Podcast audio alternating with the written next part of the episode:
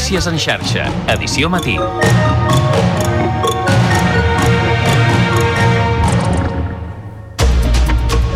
Bon dia. La policia investiga com a possible violència vicària la mort d'un home i els seus dos fills menors d'edat en un pis del districte d'Horta Guinardó de Barcelona. La mare va alertar la policia perquè l'exmarit no li havia retornat els infants de 7 i 10 anys després de les festes de Nadal. Quan els Mossos d'Esquadra i els serveis d'emergències van arribar a l'immoble, van constatar que hi havia una forta concentració de gas que va obligar fins i tot a fer tasques per assegurar l'estructura. Així encapçalem el Notícies en xarxa d'aquest dimarts 9 de gener i al punt de les 7 del matí repassem més titulars.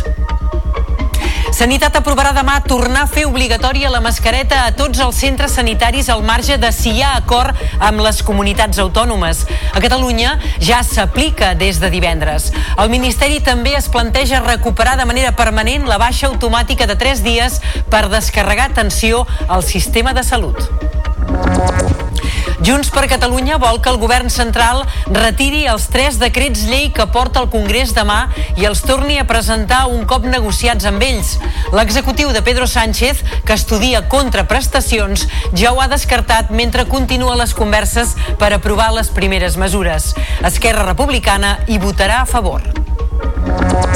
Agents socials i govern espanyol s'emplacen a una nova reunió aquesta setmana després de fracassar l'últim intent per acordar el salari mínim.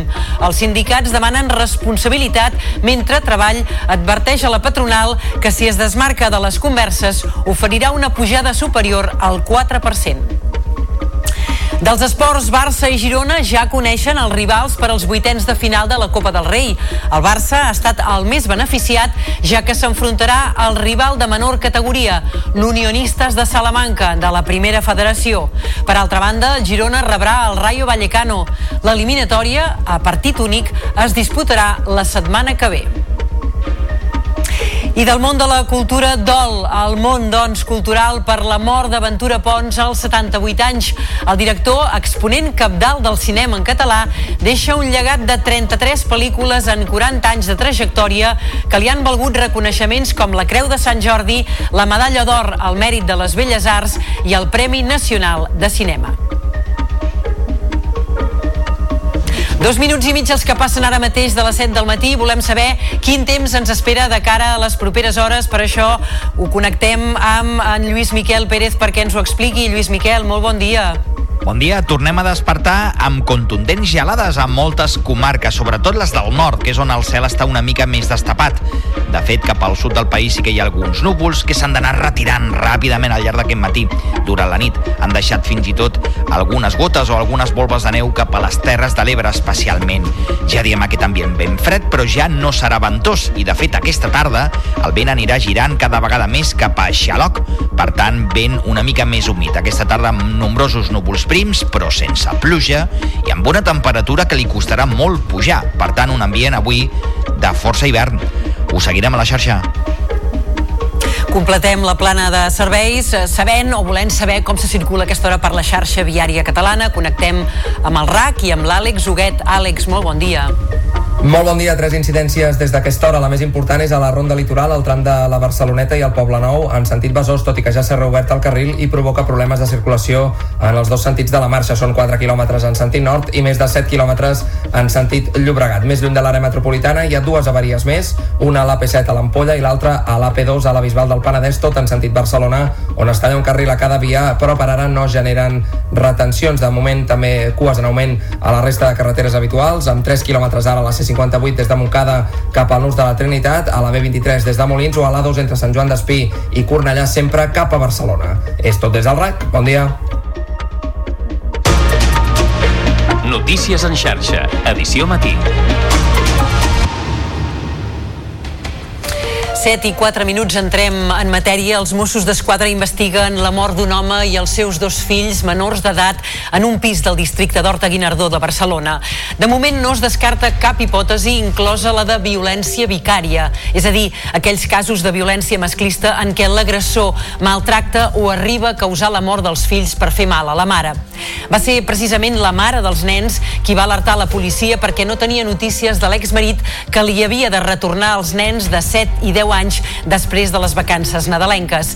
El jutjat que instrueix el cas ha informat que no hi havia antecedents de violència entre ell i la mare dels petits amb la qual no convivia. Els Mossos d'Esquadra han hagut de fer gestions per assegurar l'immoble on s'han trobat els cadàvers davant l'alarma generada per una alta concentració de gas. A banda de la feina de la policia científica, els sistemes d'emergències mèdiques han hagut d'activar un equip de psicòlegs i també han treballat sobre el terreny dotacions dels bombers i de la Guàrdia Urbana. En aquest context us expliquem també que la jutgessa ha acordat la presó provisional comunicada i sense fiança per un delicte d'homicidi per a l'home de 31 anys detingut com a presumpte autor de la mort violenta de la seva exparella a Barcelona. La víctima de 38 anys va ser trobada morta en un pis del carrer de les Naves de Tolosa al districte de Sant Martí el passat 29 de desembre. A més, també ha transcendit que els Mossos de la comissaria del Vendrell, al Baix Penedès, han detingut un home de 29 anys a qui li constava una ordre europea per un delicte d'homicidi a Itàlia. I la consellera del districte de Sant Martí de Barcelona, Lorena Domínguez, de Barcelona en Comú, ha denunciat una agressió sexual al matí de l'1 de gener quan tornava cap a casa després de celebrar la rebetlla. Els Mossos investiguen els fets que Domínguez ha compartit a través de l'antic Twitter.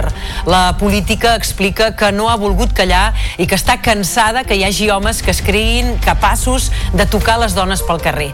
Eren tres quarts de set del matí quan la dona parlava per telèfon i just en penjar un home se li va abraonar, la va magrejar i li va intentar aixecar la fandilla i fer-li un petó.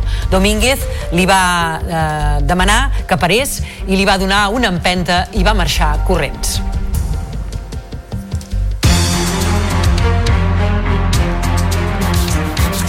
Canviem radicalment de qüestió. Sanitat aprovarà demà tornar a fer obligatòria la mascareta a tots els centres sanitaris al marge de si hi ha acord o no amb les comunitats autònomes.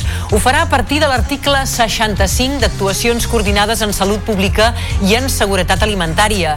Així ha transcendit en les darreres hores després de la interterritorial en què el Ministeri ha exposat que estudia recuperar per sempre la baixa automàtica de 3 dies amb l'objectiu de destensionar el sistema sistema de salut. Ens ho explica la Carina Bellver. La baixa automàtica de 3 dies és una autodeclaració responsable del treballador per justificar malalties lleus sense necessitat d'acudir al metge. És una reclamació històrica dels metges de primària, es va aplicar durant la pandèmia de Covid-19 i ara es vol recuperar per sempre amb el mateix objectiu, d'extensionar el sistema de salut. El Ministeri de Sanitat està en converses amb Treball i la Seguretat Social, però encara no hi ha data d'implantació de la mesura que s'havia previst inicialment davant el pic d'infeccions respiratòries que està col·lapsant el sistema sanitari. El Consell Interterritorial de Salut i davant la falta d'acord entre les autonomies, la ministra de Sanitat també els ha donat 48 hores perquè presentin al·legacions a la proposta que les mascaretes tornin a ser obligatòries no només als centres de salut i als sociosanitaris, com ja ha decretat la Generalitat, sinó també a les farmàcies. Después de la pandemia sufrida, hemos aprendido y no nos resignamos a las cifras prepandemia. Y por eso, desde este Ministerio, vamos a seguir trabajando para minimizar los riesgos y homogenizar la protección de la salud a toda la ciudadanía. Autonomies com Madrid, Galícia i les Balears estan en contra de l'obligatorietat de les mascaretes, una mesura de competència autonòmica. De fet, a Catalunya la mascareta ja torna a hospitals i ambulatoris mig any després d'haver deixat de ser obligatòria, una eina que va demostrar la seva eficàcia per evitar els contagis durant la pandèmia de Covid i que ara pren rellevància davant l'onada d'infeccions respiratòries. Els companys de BOTB han recollit l'opinió dels usuaris d'un centre de primària de Granollers. Els mateixos professionals sanitaris alerten de la situació i recomanen prudència després que el nombre de contagis del virus de la grip, refredats i Covid s'hagin disparat aquests dies. A l'Hospital de Granollers es veia amb bons ulls aquest retorn a les mascaretes. Sí. Però sí, és important perquè tant si tu estàs malalt per respecte als altres, per no comandar, com perquè vens a un metge, o sigui, vas al metge, hi ha gent malalta, també t'ho poden enganxar tu. Bé, no estàvem acostumats fins ara, però cada vegada que hi ha una epidèmia hi hauria d'haver mascaretes. Sí. No, és una mica molest, però clar, també és una manera de protegir-se, dic jo. I és que potser en primera persona o potser per familiars, amics o coneguts, tothom coneix d'algú que aquests dies ha passat un fort episodi relacionat amb els virus respiratoris. Tot i que des del sector sanitari, com ara ahir mateix el Sindicat de Metges de Catalunya en aquest mateix programa asseguren que s'han viscut moments de col·lapse d'urgències, des del departament s'insisteix que la situació està controlada. El pic de l'epidèmia, però, arribarà d'aquí a dues setmanes i Salut recomana recuperar hàbits de la pandèmia, com ara la higiene de mans, ventilar espais o vacunar-se. Conrad Casas és subdirector regional de Salut Pública al Camp de Tarragona. Estem en una fase ascendent, no hem arribat encara al pic, però veiem arribar al pic d'aquesta corba epidèmica en una setmana, 15 dies, i després recordem que aquest pic, si el pugem, després l'hem de tornar a baixar. Per tant, conviurem amb la grip i amb contagis de la grip encara unes quantes setmanes. Aquest augment dels virus respiratoris, la grip, la Covid, també s'està notant a les farmàcies. Aquests dies asseguren que ha crescut la demanda de testos d'antígens i mascaretes. Ens ho expliquen ara els companys de televisió de l'Hospitalet. A banda de la medicació habitual, les farmàcies també han registrat un augment de demanda de testos combinats de grip i Covid, fins al punt que algunes farmàcies se n'han quedat sense. S'ha notat molt la demanda de test de Covid, que s'han tornat a multiplicar una altra vegada, i del test combinat, que els hem acabat i no ens arriben, perquè, bueno, perquè també ha, coincidit que hi ha hagut laboratoris que estan en vacances, suposo, però la cosa és que costen que arribin i han d'arribar ara. Hi ha molts casos, molts casos de grip i de Covid. No, des de molt abans de Nadal, a la segona quincena de desembre, vam notar un repunt molt important de casos de grip i la gent demanava constantment fer-se la prova del Covid i sí, sí, nosaltres de moment no hem tingut falta de subministrament de test i tenim dels dos, tant del, del Covid com del combinat. Les farmàcies fan una crida a l'autoresponsabilitat i a dur la mascareta si agafem la grip o la Covid. No només als centres de salut, on torna a ser obligatòria, sinó a d'altres espais, com a la feina i a la pròpia farmàcia. I en aquest context, el Sindicat d'Infermeres de Catalunya continua amb la vaga que va començar el 12 de desembre passat. En les darreres hores s'han manifestat fins a la plaça de Sant Jaume en una protesta indefinida en què també s'hi han sumat ara els tècnics sanitaris. Denuncien el que consideren com un maltractament i inactivitat del Departament de Salut. Una de les grans reivindicacions és que el col·lectiu d'infermeres sigui reconegut en la categoria A1. Laia Marçal és vicepresidenta d'Infermeres de Catalunya pensem que les infermeres en si s'han empoderat molt i això de poder sortir al carrer i fer sentir la nostra veu que fins ara era molt difícil i segueix sent difícil perquè moltes companyes estan de mínims però això pensem que ha empoderat molt i ha donat molt, molta, moltes eines a les infermeres. Demanem de treballar amb, amb, amb, amb les eines per poder oferir la millor qualitat que es mereixen els nostres usuaris, poder treballar amb seguretat i amb el reconeixement de, de tota la responsabilitat que tenim dia a dia. Dos minuts i arribarem a un quart de vuit del matí. Junts per Catalunya vol que el govern central retiri els tres decrets llei que porta al Congrés aquest dimecres i els torni a presentar per temàtiques i negociats amb ells. L'executiu espanyol negocia contraprestacions amb aquest partit per aprovar les primeres mesures que presenta. Esquerra Republicana hi votarà a favor. Tot plegat ens ho explica la Mont Carvajal. Junts per Catalunya votarà en contra amb l'argument que retalla competències de la Generalitat, agreuja el finançament i posa en perill la llei d'amnistia. El portaveu Josep Rius demana que els retirin i els negociïn amb Junts per temàtiques abans de tornar-los a presentar i acusa Pedro Sánchez d'actuar segons fets consumats. El govern de Pedro Sánchez està aplicant una política de fets consumats.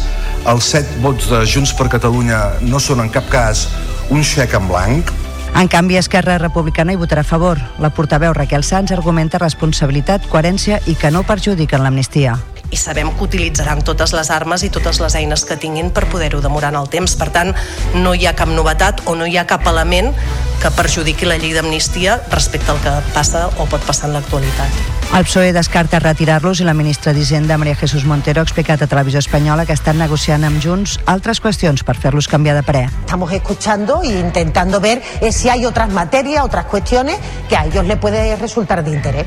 Els comuns qualifiquen d'irresponsable Junts per votar-hi en contra. Pel que fa a la negociació dels pressupostos catalans, demà dimecres hi haurà una reunió entre el govern en minoria d'Esquerra Republicana i el PSC, que va aprovar els comptes de l'any passat. Els socialistes estudien un document de mil pàgines amb propostes del govern, però insisteixen en què l'executiu ha de complir amb els acords del 2023 la B40, el Hard Rock i l'ampliació de l'aeroport del Prat. Junts s'ofereix als republicans si canvia de rumb i els desvincula dels generals de l'Estat. No ens reunirem per parlar dels pressupostos del 2024 ni aprovarem pressupostos del 2024 si primer no es compleixen aquells acords que el mateix president de la Generalitat va signar amb els pressupostos, a l'acord que vam arribar de pressupostos del 2023. No espanyolitzarem els pressupostos de la Generalitat de Catalunya i ho volem deixar molt clar. No poden ser una contrapartida als pressupostos generals de l'Estat això és una sucursalització de la negociació dels comptes de la Generalitat. I acaba sense acord la darrera reunió sobre el salari mínim interprofessional i les parts s'han emplaçat a una nova trobada abans no acabi aquesta setmana. Els sindicats alerten que cal responsabilitat i coherència per equiparar les darreres pujades que han experimentat les pensions més baixes a aquesta remuneració mínima. I el govern espanyol ja ha deixat clar que oferirà una pujada superior al 4% si les patronals es desmarquen de les converses. Joaquín Pérez Rey és secretari d'Estat de Treball.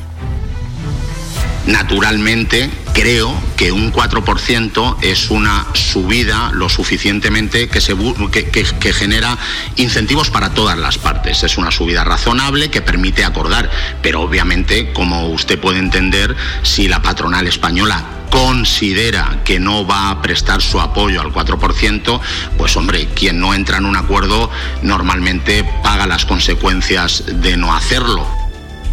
De la crònica judicial us apuntem que els advocats dels quatre vegencs acusats de desordres públics, atemptat contra l'autoritat, danys i lesions durant una concentració a la caserna de la Guàrdia Civil de Manresa en el marc de la Marxa per la Llibertat del 2019, han demanat a l'Audiència Provincial de Barcelona que suspengui el judici fixat per als dies 29 i 30 de gener. S'emparen en la futura llei d'amnistia que està en tràmit. Ens ho expliquen des de Canal Taronja Central. Segons que ha explicat Pere Bascomte, portaveu del grup de suport Bages pels Drets Civils, la futura llei obre un nou escenari i considera absurd mobilitzar recursos en un judici que al final pot quedar en no res. És un cas un cas flagrant que, que entra perfectament, encaixa perfectament això amb la llei d'amnistia, concretament amb l'article 1.1 apartat D, que refereix en els casos doncs, de, de manifestacions que han, que han donat peu a, a encausaments per, amb acusacions de desordres públics, d'atemptats contra l'autoritat, els acusats són quatre joves d'entre 20 i 30 anys i veïns de Navàs, Navarcles i Sant Vicenç de Castellet. L'acusació la formen la Generalitat i la Fiscalia. En concret, la Generalitat els demana dos anys i tres mesos de presó i unes multes de més de 6.000 euros de responsabilitat civil col·lectiva i més de 12.000 euros a cadascun. Notícies en xarxa. Tota la informació al teu abast. El ple de l'Ajuntament de Tortosa ha rebutjat per unanimitat la interconnexió de xarxes i fer arribar l'aigua de l'Ebre fins a Barcelona. El plenari ha aprovat una declaració institucional a instàncies de la Plataforma en Defensa de l'Ebre, on rebutgen també el trasllat d'aigua en vaixell fins a l'àrea metropolitana i defensen la necessitat de replantejar el model de país davant l'emergència climàtica. N'informa Canal Terres de l'Ebre. L'Ajuntament de Tortosa ha estat el primer en aprovar la declaració. Ara el mateix text es farà arribar als plens dels ajuntaments i als Consells Comarcals de les Terres de l'Ebre amb l'objectiu d'establir un posicionament clar en contra del transvasament. Tortosa avui ha dit una vegada més no al transvasament, sí a la nova cultura de l'aigua. Nosaltres hem donat el tret de sortida, si se'm permet l'expressió, esperem que ara la resta de poblacions de Terres de l'Ebre, els Consells Comarcals se puguen sumar i que per tant d'esta manera arribi no, el sentiment del conjunt de les Terres de l'Ebre a nivell del país i que per tant s'hi busquen solucions alternatives a qualsevol tipus de transvasament. Des de la plataforma en defensa de l'Ebre també plantegen organitzar mobilitzacions més endavant si hi ha més propostes per fer arribar l'aigua de l'Ebre fins a Barcelona. La setmana passada us explicàvem que els ajuntaments havien rebut els primers diners del Fons de Transició Nuclear. Cadascun d'ells ha rebut 174.000 euros que incorporaran als seus pressupostos pendents de rebre la segona liquidació. Avui hem volgut parlar amb els alcaldes de tres ajuntaments beneficiaris, el de l'Ametlla de Mar, el de Flix i el de Batea, per saber a quins projectes destinaran aquests primers diners. Ens ho expliquen des de Canal 21 Ebre. La Metlla de Mar destinarà tant aquest primer pagament com el segon a la millora de l'eficiència energètica dels edificis municipals, començant per l'Escola Sant Jordi. Des de l'Ajuntament, sobretot, ens encararem en, en projectes per a rehabilitar tots els edificis. Estem, tenim uns edificis públics en molt mal estat. A Flix, l'Ajuntament destinarà aquests primers diners del Fons de Transició Nuclear a completar el finançament de la millora i dinamització comercial del mercat municipal. Climatitzem el mercat, arreglem la plaça i posem també mitjans tecnològics per poder dinamitzar les parades i l'activitat comercial, com ara uns, uns lockers, unes uns armaris de comandes. El segon pagament dels fons es destinarà en gran part a ampliar el centre d'empreses de Flix. En el cas de Batea, els diners del Fons de Transició Nuclear corresponent al 2023 es destinaran íntegrament a la compra de la parcel·la i construcció d'una nau que l'Ajuntament traurà concurs per a la instal·lació d'una fàbrica de pantalles LED. Esta setmana inclús ja hem avançat el projecte, tindrem el projecte. Nosaltres preveiem en este, en este inici i des de l'espenta de l'Ajuntament crear al voltant de 35 llocs de treball. Joaquim Paladella també ha fet una crida als empresaris a aprofitar l'oportunitat que representen aquests diners per executar projectes i noves inversions al territori.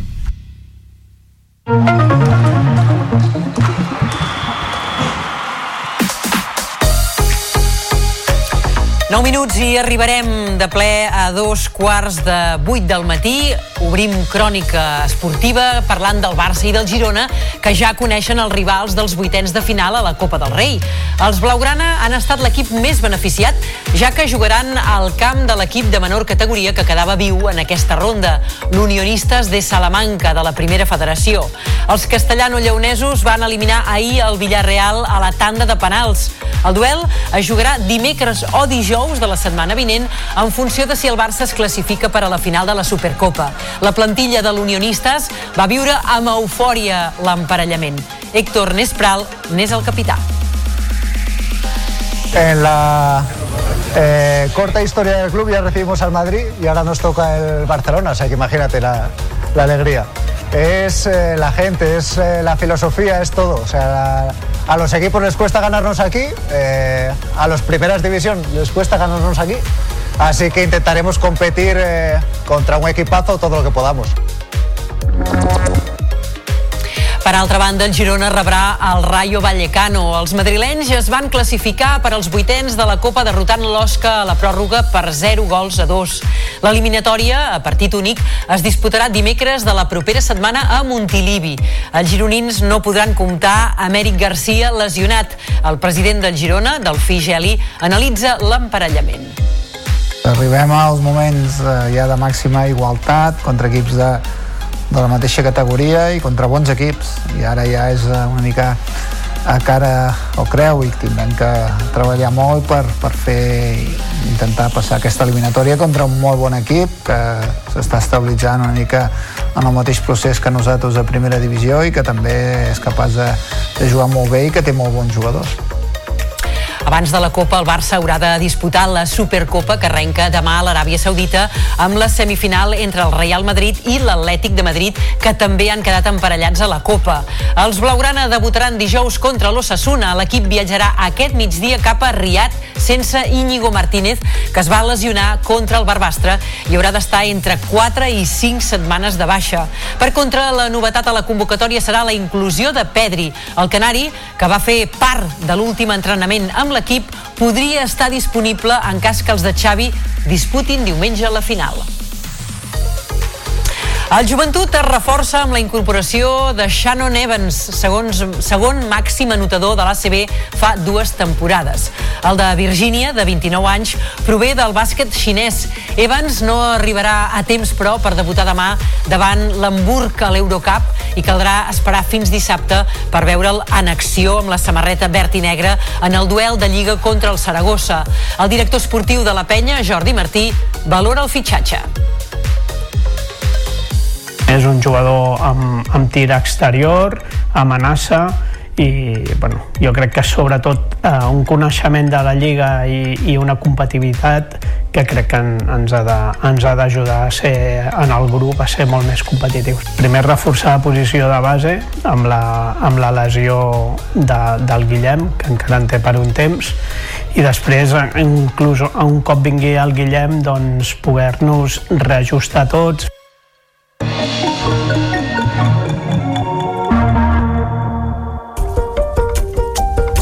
És una de les notícies que us hem destacat en titulars. El director de cinema, guionista i productor català Ventura Pons ha mort als 78 anys. Va dirigir més d'una trentena de pel·lícules i es va convertir en un dels cineastes més prolífics en llengua catalana. Va adaptar textos d'autors contemporanis d'autors com Josep Maria Benet i Jornet, Sergi Belbel o Lluïsa Coniller. Reconegut internacionalment, sempre va lluitar perquè les seves pel·lícules s'estrenessin en català. Al llarg de la seva carrera va ser distingit amb la Creu de Sant Jordi, el Premi Nacional de Cinema i el Gaudí d'Honor de l'Acadèmia del Cinema Català, entre d'altres. David Selves va ser un dels molts actors que va treballar amb Ventura Pons va treballar molt dur i, i posant moltes vegades no només el, la, seva, no, la seva professió i el seu esforç, sinó també part del seu patrimoni. Hi havia mil plataformes, uh, hi havia mil festivals, que és una que crec que ha fet molt per, per la cultura i per, sobretot per exportar-la a fora i pels actors i la professió d'aquest país, els actius. L'Ajuntament de Santa Pau vol començar la compra associativa del castell a principis del mes vinent. Aquest projecte, que l'alcaldessa del municipi qualifica de titànic, permetria municipalitzar per primera vegada a la història el castell de Santa Pau. Necessiten recollir mig milió d'euros per fer front a aquesta compra. L'Aniol Puigverd, de la televisió d'Olot, ens ho explica. La compra del castell de Santa Pau cada vegada està més a prop. Fa uns mesos, l'Ajuntament va decidir tirar endavant una compra associativa per tal d'aconseguir recollir mig milió d'euros per poder fer front a la compra del castell i aconseguir que sigui propietat del poble. Després d'uns temps amb els preparatius sobre com gestionar aquesta compra, el consistori afirma que entre finals de gener i principis de febrer, la gent que vulgui col·laborar i aportar el seu gra de sorra ja ho podrà fer. A més, l'equip de govern de Santa Pau afirma que han aconseguit ampliar el termini dels dos mesos i mig als quatre mesos mesos, una ampliació que els permetrà anar més tranquils a l'hora de recollir els diners. I ho farem a través d'una plataforma que es diu Goteo, perquè tota la gent que vulgui participar doncs, pot tenir una deducció fiscal amb, amb les diverses donacions que puguin fer. Estem també en contacte amb tots els empresaris garrotxins, bé, i catalans, perquè estem intentant contactar amb moltíssima gent, sobretot doncs, amb gent famosa no? i important del nostre país, i a partir d'aquí eh, esperar poder aconseguir aquests 500.000 euros i poder fer front a acabar comprant el castell i que sigui del poble de Santa Pau i de rebot de tot el poble de Catalunya. Des de l'equip de govern es mostren decebuts pel fet que l'oposició no vulgui ajudar a tirar endavant un projecte que, segons ells, ha de ser de tot el poble. I el municipi de Mer, a la Selva, presenta la vuitena edició del Son a Mer. En total s'han programat sis concerts que repartiran entre els mesos de gener a març i ompliran de bona música un any més a aquesta vila salvatana.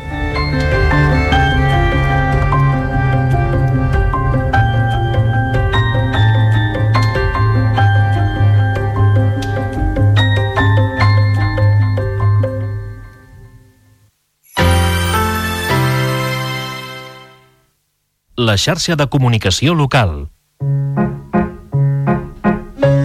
Embaladits, l'espai on la Montse Balada i els seus amics ens enllacen amb la poesia infantil. Hola, embaladits! Soc la Montse Balada i, com sempre fem en aquest programa, durant uns minuts ens unirem en l'aventura de llegir en veu alta poesia infantil. Us donem la benvinguda a l'Embaladits. El Pedro Moraes, de quart de primària de l'escola Camp Juliu, ens recita un poema preciós i ens convida a gaudir del que més li agrada, la poesia, la tarda i els jocs tranquils.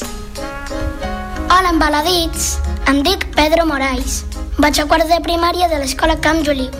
El poema que avui us llegiré es titula Amic, vols venir? i l'ha escrit la Joana Raspai. He escollit aquest poema perquè m'agrada molt la tarda i els jocs tranquils. La tarda és molt clara, l'aire té els centres de mar i muntanya. Fugim dels sorolls i busquem la calma, on compartirem les nostres paraules. Poques en direm i ben escoltades, amb pau dins del cor, llum en les mirades. Vols venir, amic? La tarda és tan clara. Moltíssimes gràcies, Pedro. Ens apuntem a venir amb tu. Fins al proper Embaladits. Adeu. Adeu, embaladits! Vols que la teva escola participi a l'Embaladits? Envia'ns un correu electrònic a embaladits arroba canalblau.cat Embaladits és una idea de Montse Balada produïda per Canal Blau FM per la xarxa de comunicació local.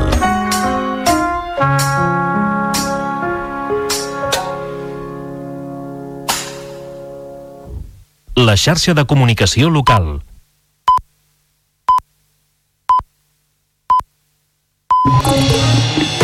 Notícies en xarxa, edició matí. Amb Helena Puigdueta.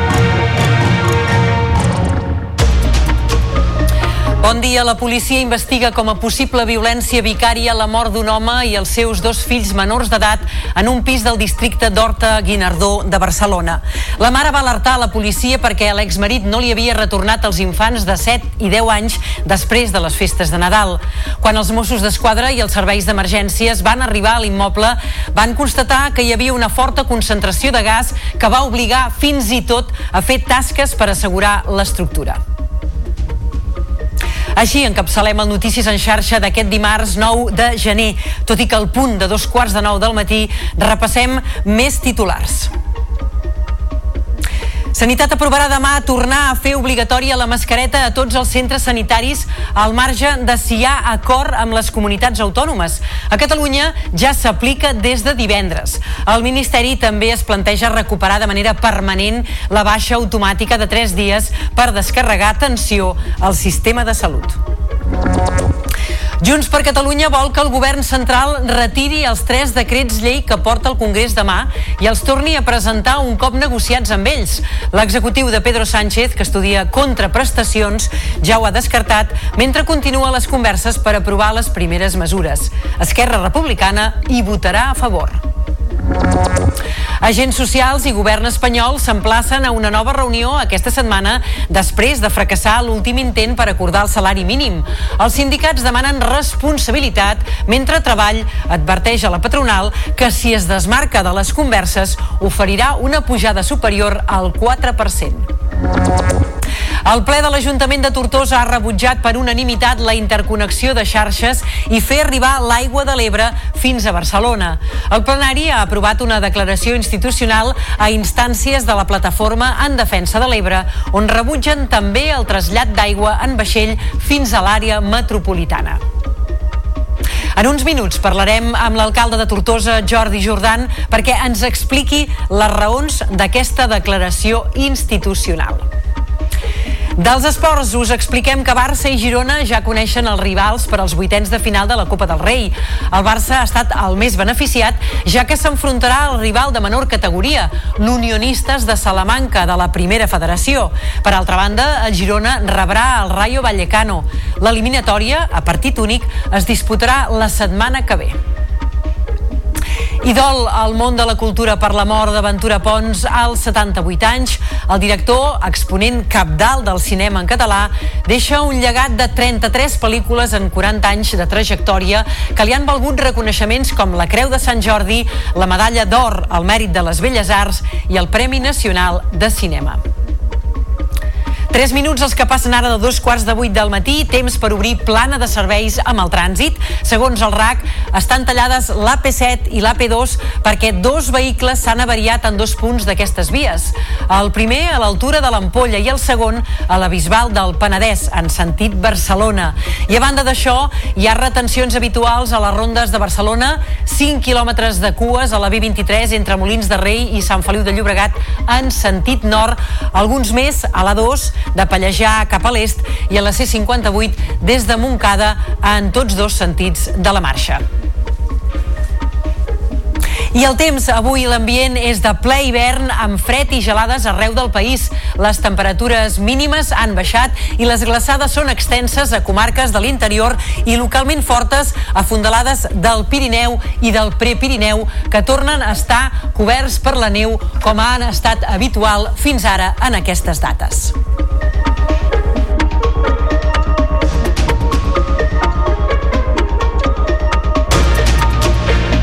Notícies en xarxa, edició matí. Us ho dèiem suar en titulars, els Mossos d'Esquadra investiguen la mort d'un home i els seus dos fills menors d'edat en un pis del districte d'Horta Guinardó de Barcelona. De moment no es descarta cap hipòtesi, inclosa la de la violència vicària, és a dir, aquells casos de violència masclista en què l'agressor maltracta o arriba a causar la mort dels fills per fer mal a la mare. Va ser precisament la mare dels nens qui va alertar la policia perquè no tenia notícies de l'exmarit que li havia de retornar als menors de 7 i 10 anys després de les vacances nadalenques. El jutget que instrueix el cas ha informat que no hi havia antecedents de violència entre ell i la mare dels petits, amb la qual no convivia. Els Mossos d'Esquadra han hagut de fer gestions per assegurar l'immoble on s'han trobat els cadàvers davant l'alarma generada per una alta concentració de gas. A banda de la feina de la policia científica, el sistema d'emergències mèdiques ha hagut d'activar un equip de psicòlegs i també han treballat sobre el terreny dotacions dels bombers i de la Guàrdia Urbana. La jutgessa ha acordat la presó provisional comunicada i sense fiança per un delicte d'homicidi per a l'home de 31 anys detingut com a presumpte autor de la mort violenta de la seva exparella a Barcelona. La víctima, de 38 anys, va ser trobada morta en un pis del carrer de les Naves de Tolosa al districte de Sant Martí el passat 29 de desembre. A més, també ha transcendit que els Mossos de la comissaria del Vendrell, al Baix Penedès, han detingut un home de 29 anys a qui li constava un ordre europeu Europea per un delicte d'homicidi a Itàlia. Notícies en xarxa. Informació al detall.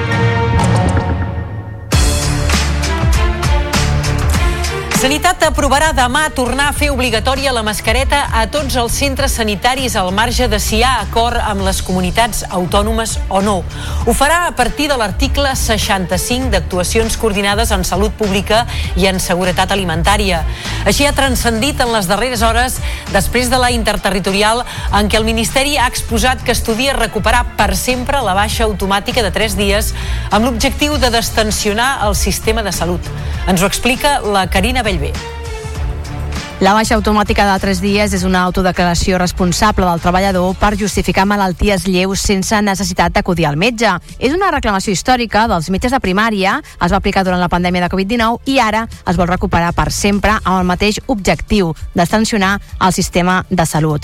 El Ministeri de Sanitat està en converses amb Treball i la Seguretat Social, però encara no hi ha data d'implantació de la mesura que s'havia previst inicialment davant el pic d'infeccions respiratòries que està col·lapsant el sistema sanitari. El Consell Interterritorial de Salut i davant la falta d'acord entre les autonomies, la ministra de Sanitat també els ha donat 48 hores perquè presentin al·legacions a la proposta que les mascaretes tornin a ser obligatòries no només als centres de salut i als sociosanitaris, com ja decretat la Generalitat, sinó també a les farmàcies. Después de la pandemia sufrida, hemos aprendido y no nos resignamos a las cifras prepandemia. Y por eso, desde este Ministerio, vamos a seguir trabajando para minimizar los riesgos y homogeneizar la protección de la salud a toda la ciudadanía. Autonomies com Madrid, Galícia i les Balears estan en contra de l'obligatorietat de les mascaretes, una mesura de competència autonòmica. Això, doncs, a nivell de tot l'Estat. Aquí, a Catalunya, el Sindicat de Metges, en aquest mateix programa, assegurava ahir que s'han viscut moments de col·lapse, urgències, però, en canvi, des del departament s'insisteix que la situació està ara per ara controlada. El pic de l'epidèmia, però, arribarà d'aquí a dues setmanes i Salut recomana recuperar hàbits de la pandèmia, com ara la higiene de mans, ventilar espais o vacunar-se. Conrad Casas és subdirector regional de Salut Pública al Camp de Tarragona. Estem en una fase ascendent, no hem arribat encara al pic, però veiem arribar al pic d'aquesta corba epidèmica en una setmana, 15 dies, i després recordem que aquest pic, si el pugem, després l'hem de tornar a baixar. Per tant, conviurem amb la grip i amb contagis de la grip encara unes quantes setmanes. I en aquest context, el Sindicat d'Infermeres de Catalunya continua amb la vaga que va començar el 12 de desembre. En les darreres hores s'han manifestat fins a la plaça de Sant Jaume en una protesta indefinida en què també s'hi han sumat ara els tècnics sanitaris. Denuncien el que consideren com un maltractament i inactivitat del Departament de Salut. Una de les grans reivindicacions és que el col·lectiu d'infermeres sigui reconegut en la categoria A1. Laia Marçal és vicepresidenta d'Infermeres de Catalunya. Pensem que les infermeres en si s'han empoderat molt i això de poder sortir al carrer i fer sentir la nostra veu que fins ara era molt difícil i segueix sent difícil perquè moltes companyes estan de mínims, però això pensem que ha empoderat molt i ha donat molt, molta, moltes eines a les infermeres. Demanem de treballar amb, amb, amb, amb les eines per poder oferir la millor qualitat que es mereixen els nostres usuaris, poder treballar amb seguretat i amb el reconeixement de, de tota la responsabilitat que tenim dia a dia. 5 minuts i arribarem a 3 quarts de 8 del matí. Canviem radicalment de qüestió per explicar-vos ara que Junts per Catalunya vol que el govern central retiri els tres decrets llei que porta al Congrés aquest dimecres i els torni a presentar per temàtiques i negociats amb ells. L'executiu espanyol negocia contraprestacions amb aquest partit per aprovar les primeres mesures que presenta. Esquerra Republicana hi votarà a favor. Tot plegat ens ho amplia la Mont Carvajal. Junts per Catalunya votarà en contra amb l'argument que retalla competències de la Generalitat, agreuja el finançament i imposa en perill la llei d'amnistia. El portaveu Josep Rius demana que els retirin i els negociïn amb Junts per temàtiques abans de tornar-los a presentar i acusa Pedro Sánchez d'actuar segons fets consumats. El govern de Pedro Sánchez està aplicant una política de fets consumats. Els set vots de Junts per Catalunya no són en cap cas un xec en blanc, en canvi, Esquerra Republicana hi votarà a favor. La portaveu Raquel Sanz argumenta responsabilitat, coherència i que no perjudiquen l'amnistia i sabem que utilitzaran totes les armes i totes les eines que tinguin per poder-ho demorar en el temps. Per tant, no hi ha cap novetat o no hi ha cap element que perjudiqui la llei d'amnistia respecte al que passa o pot passar en l'actualitat. El PSOE descarta retirar-los i la ministra d'Hisenda, Maria Jesús Montero, ha explicat a Televisió Espanyola que estan negociant amb Junts altres qüestions per fer-los canviar de parer. Estamos escuchando e intentando ver eh, si hay otras materias, otras cuestiones que a ellos le puede resultar de interés. Els comuns qualifiquen d'irresponsable Junts per votar-hi en contra. Pel que fa a la negociació dels pressupostos catalans, demà dimecres hi haurà una reunió entre el govern en minoria d'Esquerra Republicana i el PSC que va aprovar els comptes de l'any passat. Els socialistes estudien un document de mil pàgines amb propostes del govern, però insisteixen en que l'executiu ha de complir amb els acords del 2023. Això és la B40, el Hard Rock i l'ampliació de l'aeroport del Prat. Junts s'ofereix als republicans si canvia de rumb i els desvincula dels generals de l'Estat. No ens reunirem per parlar dels pressupostos del 2024 ni aprovarem pressupostos del 2024 si primer no es compleixen aquells acords que el mateix president de la Generalitat va signar amb els pressupostos, a l'acord que vam arribar de pressupostos del 2023. No espanyolitzarem els pressupostos de la Generalitat de Catalunya i ho volem deixar molt clar. No poden ser una contrapartida als pressupostos generals de l'Estat això és una sucursalització de la negociació dels comptes de la Generalitat. Doncs no deixem els números encara perquè ha acabat sense acord la darrera reunió sobre el salari mínim interprofessional i les parts s'han emplaçat a una nova trobada abans no acabi aquesta setmana. Els sindicats alerten que cal responsabilitat i coherència per equiparar les darreres pujades que han experimentat les pensions més baixes a aquesta remuneració mínima. I el govern espanyol ja ha deixat clar que oferirà una pujada superior al 4% si les patronals es desmarquen de les converses. I Barcelona ha constituït un espai de diàleg permanent amb sindicats i patronals en l'àmbit municipal. En un acte al Saló de Cent, l'alcalde de Barcelona, Jaume Collboni, ha firmat el document de creació de la taula juntament amb els màxims representants de Foment, PIMEC, Comissions Obreres i UGT. En aquest espai s'abordaran temes com les infraestructures, l'habitatge o el mercat de treball amb visió metropolitana amb l'objectiu d'ordenar els espais de concentració ja existents entre els representants representants dels treballadors, dels empresaris i el govern municipal. Ara s'han donat sis mesos per establir-ne el funcionament. Més enllà d'aquest acord, l'alcalde ha fet referència a la voluntat de fer un govern de coalició a la ciutat. Assegura Collboni que aquesta setmana es reprendran les converses. Jo aprofitaré per dir que som on érem. És a dir, el meu compromís com a alcalde de la ciutat és que abans de la primavera tindrem govern de coalició i tindrem pressupostos. I a partir d'aquesta setmana mateix reprendrem les converses amb els grups que han mostrat la seva predisposició per afavorir la governabilitat de la ciutat. Veurem de quina manera, en cada cas, De la crònica judicial, avui destaquem que els advocats dels quatre vegencs acusats de desordres públics, atemptat contra l'autoritat, danys i lesions durant una concentració a la caserna de la Guàrdia Civil de Manresa en el marc de la Marxa per la Llibertat del 2019, han demanat a l'Audiència Provincial de Barcelona que suspengui el judici fixat per als dies 29 i 30 de gener. S'emparen en la futura llei d'amnistia que està en tràmit. Ens ho amplien des de Canal Taronja Central. Segons que ha explicat Pere Bascompte, portaveu del grup de suport Bages pels Drets Civils, la futura llei obre un nou escenari i considera absurd mobilitzar recursos en un judici que al final pot quedar no res. És un cas un cas flagrant que, que entra perfectament, encaixa perfectament això amb la llei d'amnistia, concretament amb l'article 1.1 apartat D, que refereixen als casos doncs, de, de manifestacions que han, que han donat peu a, a encausaments per, amb acusacions de desordres públics, d'atemptats contra l'autoritat, els acusats són quatre joves d'entre 20 i 30 anys i veïns de Navàs, Navarcles i Sant Vicenç de Castellet. L'acusació la formen la Generalitat i la Fiscalia. En concret, la Generalitat els demana dos anys i tres mesos de presó i unes multes de més de 6.000 euros de responsabilitat civil col·lectiva i més de 12.000 euros a cadascun.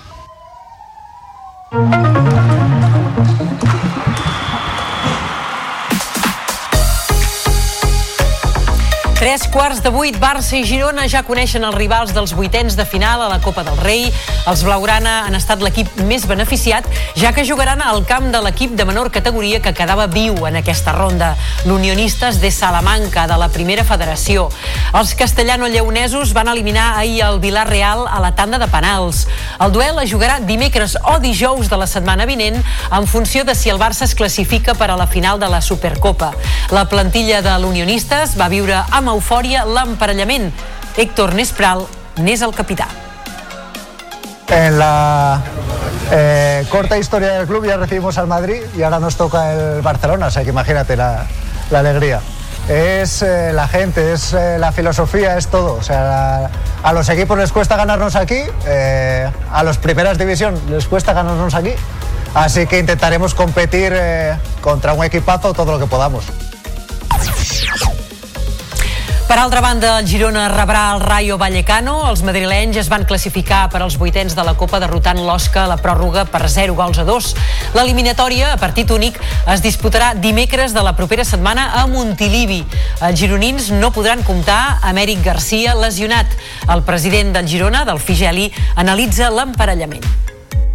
Arribem als moments eh, ja de màxima igualtat contra equips de, de la mateixa categoria i contra bons equips i ara ja és eh, una mica a cara o creu i tindrem que treballar molt per, per fer intentar passar aquesta eliminatòria contra un molt bon equip que s'està estabilitzant una mica en el mateix procés que nosaltres a primera divisió i que també és capaç de, de jugar molt bé i que té molt bons jugadors. De la Copa Pro, el Barça haurà de disputar la Supercopa que arrenca demà a l'Aràbia Saudita amb la semifinal entre el Real Madrid i l'Atlètic de Madrid, que també han quedat emparellats a la Copa. Els Blaugrana debutaran dijous contra l'Ossassuna. L'equip viatjarà aquest migdia cap a Riad sense Íñigo Martínez, que es va lesionar contra el Barbastre i haurà d'estar entre 4 i 5 setmanes de baixa. Per contra, la novetat a la convocatòria serà la inclusió de Pedri, el canari, que va fer part de l'últim entrenament amb l'equip l'equip podria estar disponible en cas que els de Xavi disputin diumenge la final. En bàsquet, el joventut es reforça amb la incorporació de Shannon Evans, segons màxim, segon màxim, ara ho dic bé, anotador de l'ACB fa dues temporades. El de Virgínia, de 29 anys, prové del bàsquet xinès. Evans no arribarà a temps, però, per debutar demà davant l'Hamburg a l'Eurocup i caldrà esperar fins dissabte per veure'l en acció amb la samarreta verd i negra en el duel de Lliga contra el Saragossa. El director esportiu de la penya, Jordi Martí, valora el fitxatge. És un jugador amb, amb tir exterior, amenaça, i bueno, jo crec que sobretot eh, un coneixement de la Lliga i, i una competitivitat que crec que en, ens ha d'ajudar a ser en el grup a ser molt més competitius. Primer reforçar la posició de base amb la, amb la lesió de, del Guillem, que encara en té per un temps, i després, inclús un cop vingui el Guillem, doncs poder-nos reajustar tots I en marxa a aquesta hora la quarta etapa del Dakar de 631 quilòmetres entre el Salamia i Alofuf. Són 299 quilòmetres de tram cronometrat i 332 d'enllaç. En la darrera etapa, triomf per a Kevin Benavides en motos i en cotxes per a Lucas Moraes, amb l'igualadí Armand Montleón com a copilot. Laia Sanz, que acabava en la posició 31, es manté en el top 20 de la General. Era important arribar amb el cotxe sencer, a més hem, hem punxat a principi d'especial i encara ens ha fet anar més conservadors, però avui era important arribar així perquè només hi ha dues hores d'assistència i els mecànics no tindran gaire feina, eh, l'equip està fent una bona feina i demà esperem poder córrer una mica més. I el KH7 Balonmano Granollers va guanyar l'Aula Valladolid per 36 a 25 en partit avançat de la 14a jornada de la divisió d'honor femenina d'handbol. Les ballesanes es van imposar a les terceres classificades, a les terceres classificades i ja sumen 5 jornades seguides sense perdre.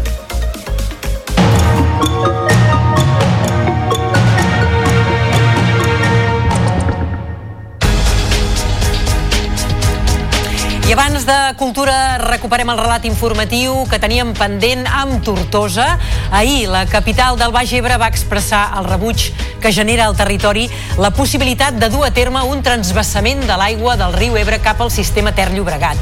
El ple oficial d'aquest mes a la capital del Baix Ebre, que es va fer ahir a la tarda, va aprovar una declaració institucional que mostra justament la disconformitat del territori amb la proposta de la interconnexió de xarxes. En volem parlar d'aquesta qüestió amb Jordi Jordan, que és alcalde de Tortosa. Senyor Jordan, bon dia i gràcies per atendre'ns. Hola, molt bon dia.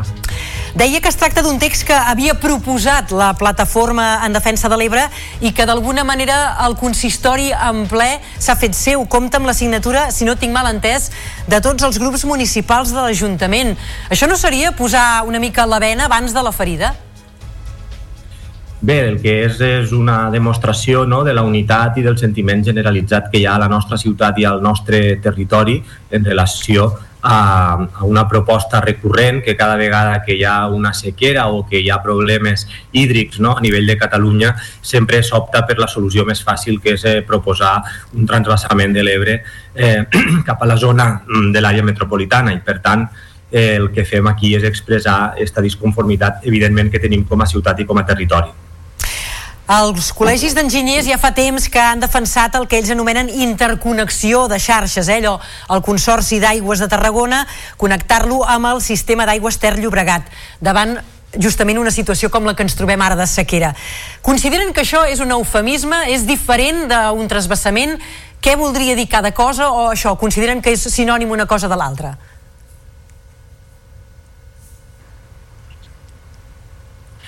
Tinc problemes de connexió i no acabo d'escoltar de, bé el que... Li, li, li repeteixo la pregunta, eh? Deia que el Col·legi d'Enginyers ha defensat ja des de fa bastantes setmanes el que ells anomenen una interconnexió de xarxes. Connectar el Consorci d'Aigües de Tarragona amb els sistemes d'aigües Ter Llobregat. Vosaltres considereu que això és un eufemisme? És a dir, que és el mateix parlar d'interconnexió de xarxes que de trasbassament? Seria una cosa sinònima de l'altra o quines diferències hi hauria, segons vosaltres? Evidentment que és un transvasament, perquè un transvasament és portar aigua d'una conca a una altra i per tant en el moment no, en què es porta l'aigua eh, de l'Ebre a una altra conca, en aquest cas les conques internes, s'està transvasant aigua d'una conca hidrogràfica a una altra. Per tant, evidentment que és un eufemisme i a més a més no soluciona el problema que en aquests moments hi ha a l'àrea central de Catalunya de problemes hídrics, perquè portant davant aquesta obra en relació al cost a nivell eh, temporal de la realització Sembla que tenim problemes amb aquesta, amb aquesta connexió. No sé si Jordi Jordan ens sent ara en condicions o no. Nosaltres... O també fins i tot de la modificació de lleis, perquè estem Sembla que no és possible aquesta connexió. Jordi Jordan, alcalde de Tortosa. Li agraïm que ens hagi atès. És difícil establir una connexió perquè se'ns congela la imatge, ens arriba amb retard les seves declaracions. En tot cas, queda clar, queda clara quina és la posició, el posicionament de l'Ajuntament de Tortosa i, evidentment, n'estarem pendents perquè, de moment, no plou. Sembla que potser demà arribarien les pluges, però, en tot cas, la situació de sequera no està resolta i, per tant, segurament tindrem una nova oportunitat, alcalde, per tornar a parlar amb vostè d'aquesta qüestió. Gràcies, insisteixo, per atendre'ns i que passi un bon dia. Moltes gràcies, bon dia.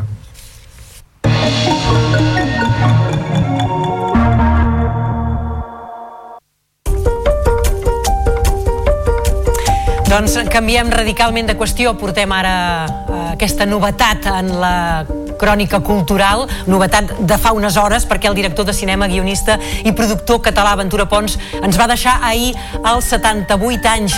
Va dirigir més d'una trentena de pel·lícules i es va convertir en un dels cineastes més prolífics en llengua catalana.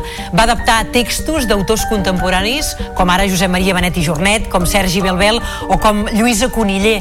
Al llarg de la seva carrera va ser distingit amb la Creu de Sant Jordi, amb el Premi Nacional de Cinema i també amb el Gaudí d'Honor de l'Acadèmia del cinema català, entre molts d'altres. David Selves va ser un dels molts actors que va treballar justament amb Ventura Pons va treballar molt dur i, i posant moltes vegades no només el, la, seva, no, la seva professió i el seu esforç, sinó també part del seu patrimoni. Hi havia mil plataformes, uh, n'hi havia mil festivals, que és una que crec que ha fet molt per, per la cultura i per, sobretot per exportar-la a fora i pels actors i la professió d'aquest país, les actrius. I marxem ara cap a la Garrotxa perquè l'Ajuntament de Santa Pau vol començar la compra associativa del castell a principis del mes vinent. Aquest projecte, que l'alcaldessa del municipi qualifica de titànic, permetria municipalitzar per primera vegada a la història el castell de Santa Pau.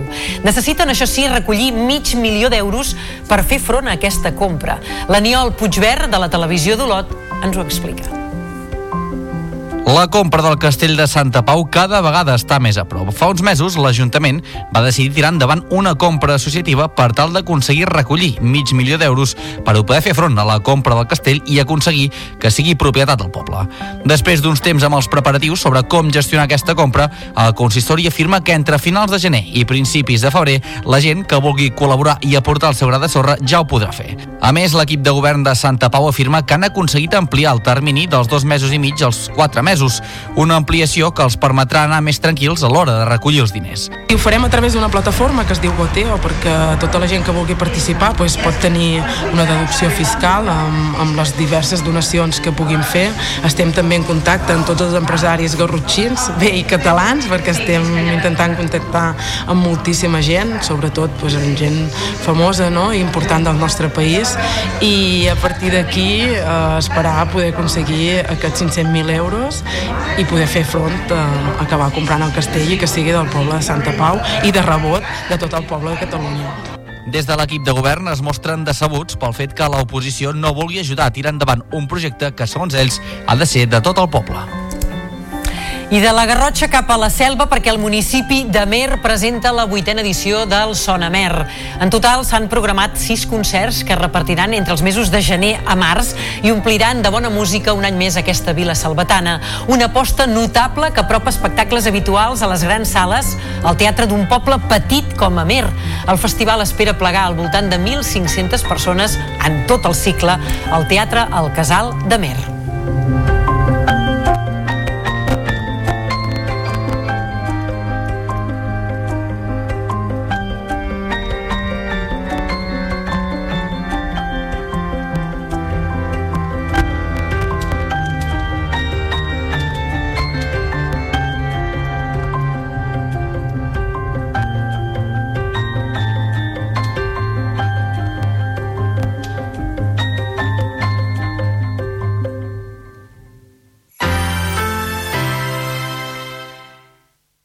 Xarxa de comunicació local.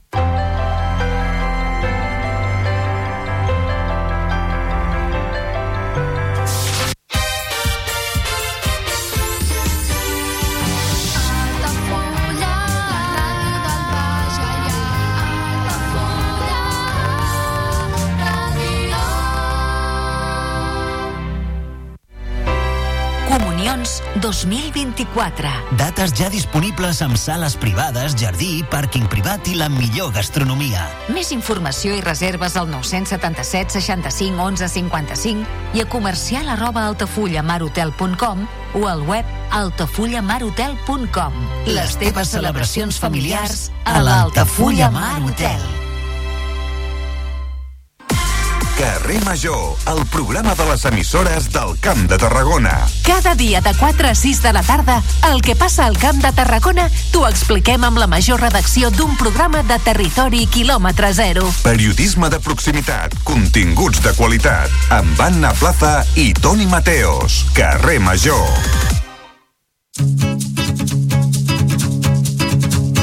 Ja peruts, despistats i amb el cap sempre baixat. Passegem pels carrers de les ciutats, ben hipnotitzats. Conduïm com si no hi hagués cap risc i el cotxe sabés el camí. Compartint cada segon del que vivim, el show de Truman ja és aquí. Abans a cada ciutat hi havia un boig.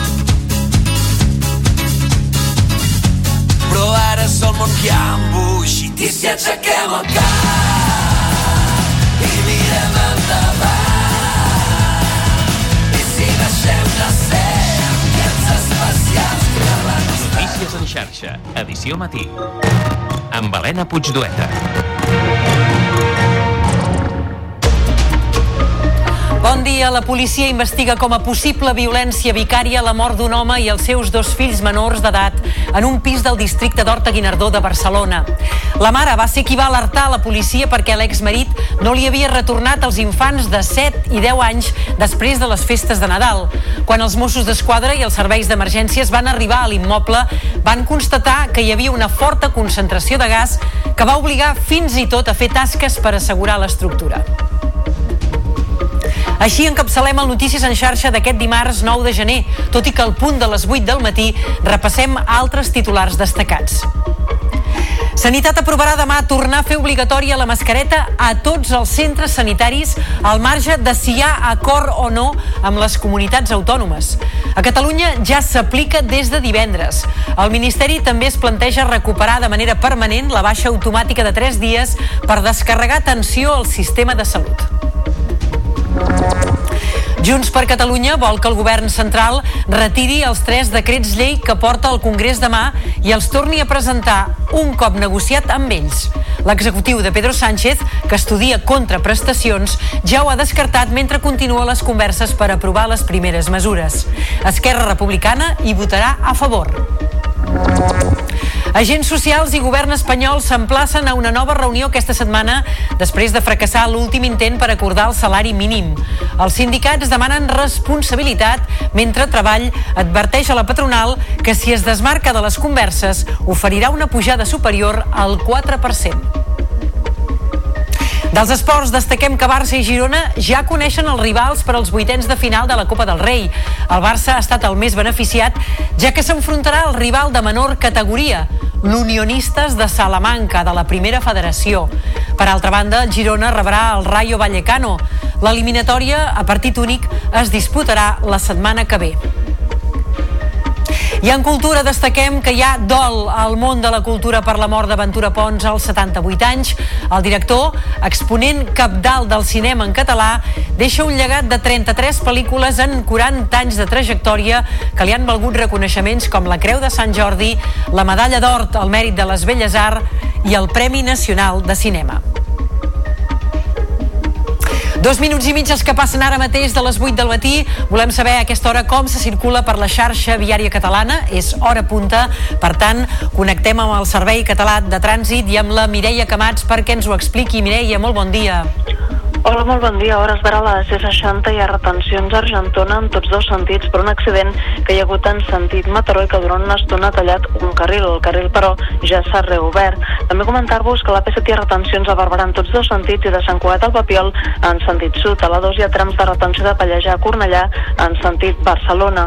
A la B23 hi ha lentitud i aturades de Molins de Rei Esplugues en sentit Barcelona i de Molins de Rei al Papiol en sentit Martorell. A la C32 hi ha retencions de Gavà Esplugues en sentit nord. A la C31 hi ha un carril tallat a l'Hospitalet en sentit Barcelona per un vehicle variat i això provoca retencions. A la C58 hi ha retencions de Sant Quirze Badia en sentit sud, de Montcada Barcelona en sentit sud i de Montcada Ripollet en sentit nord. A la C31 retencions a Badalona per anar cap a Barcelona. A la C17 Cua Parets en sentit sud. A la C16 Cua entre Sant Cugat i Barcelona en sentit sud. A la Pota Nord aturades a Santa Coloma Gramenet en sentit sud. I pel que fa referència a les rondes de Barcelona, trams de retenció en tots dos sentits, però sobretot en sentit Llobregat.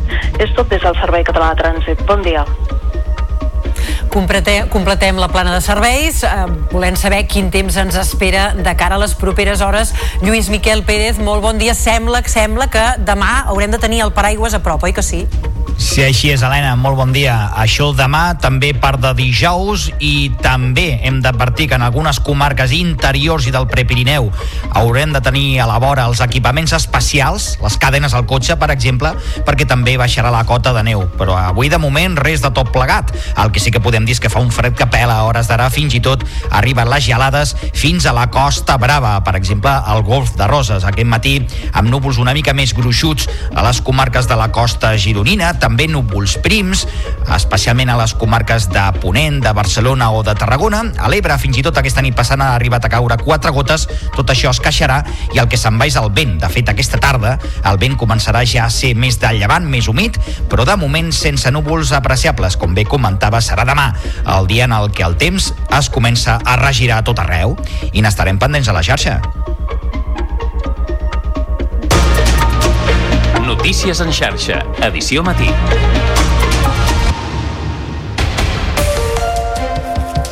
Vuit i 5, entrem en matèria, us ho dèiem suar en titulars, els Mossos d'Esquadra investiguen la mort d'un home i els seus dos fills menors d'edat en un pis del districte d'Horta Guinardó de Barcelona. De moment no es descarta cap hipòtesi, tampoc la de la violència vicària, és a dir, aquells casos de violència masclista en què l'agressor maltracta o arriba a causar la mort dels fills per fer mal a la mare. Va ser precisament la mare dels menors qui va alertar la policia perquè no tenia notícies de l'exmarit que li havia de retornar als nens de 7 i 10 anys després de les vacances nadalenques. El jutjat que instrueix el cas ha informat que no hi havia antecedents de violència entre ell i la mare dels petits, amb la qual però no convivia. Els Mossos d'Esquadra han hagut de fer gestions per assegurar l'immoble on s'han trobat els cadàvers davant l'alarma generada per una alta concentració de gas. A banda de la feina de la policia científica, el sistema d'emergències mèdiques ha hagut d'activar un equip de psicòlegs i també han treballat sobre el terreny dotacions dels bombers i de la Guàrdia Urbana. La jutgessa ha acordat la presó provisional comunicada i sense fiança per un delicte d'homicidi per a l'home de 31 anys detingut com a presumpte autor de la mort violenta de la seva exparella a Barcelona. La víctima, de 38 anys, va ser trobada morta en un pis del carrer de les Naves de Tolosa al districte de Sant Martí el passat 29 de desembre. A més, també ha transcendit que els Mossos de la comissaria del Vendrell, al Baix Penedès, han detingut un home de 29 anys a qui li constava un ordre europea per un delicte d'homicidi a Itàlia. I la consellera del districte de Sant Martí de Barcelona, Lorena Domínguez, de Barcelona en Comú, ha denunciat una agressió sexual al matí de l'1 de gener quan tornava cap a casa després de celebrar la rebetlla. Els Mossos investiguen els fets que Domínguez ha compartit a través de l'antic Twitter. La política explica que no ha volgut callar i que està cansada que hi hagi homes que es creguin capaços de tocar les dones pel carrer.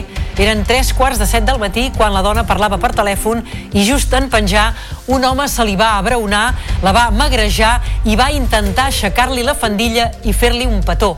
Domínguez va demanar que parés, li va donar una empenta i va poder fugir corrents. Sanitat aprovarà demà tornar a fer obligatòria la mascareta a tots els centres sanitaris al marge de si hi ha acord amb les comunitats autònomes. Ho farà a partir de l'article 65 d'actuacions coordinades en salut pública i en seguretat alimentària.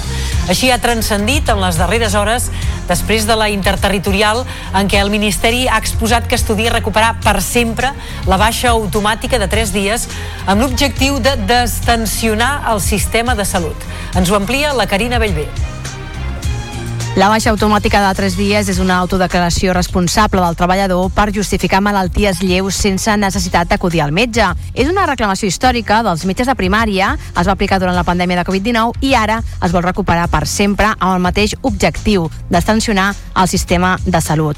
El Ministeri de Sanitat està en converses amb Treball i la Seguretat Social, però encara no hi ha data d'implantació de la mesura que s'havia previst inicialment davant el pic d'infeccions respiratòries que està col·lapsant el sistema sanitari. El Consell Interterritorial de Salut i davant la falta d'acord entre les autonomies, la ministra de Sanitat també els ha donat 48 hores perquè presentin al·legacions a la proposta que les mascaretes tornin a ser obligatòries no només als centres de salut i als sociosanitaris, com ja ha decretat la Generalitat, sinó també a les farmàcies. Después de la pandemia sufrida, hemos aprendido y no nos resignamos a las cifras prepandemia. Y por eso, desde este Ministerio, vamos a seguir trabajando para minimizar los riesgos y homogeneizar la protección de la salud a toda la ciudadanía.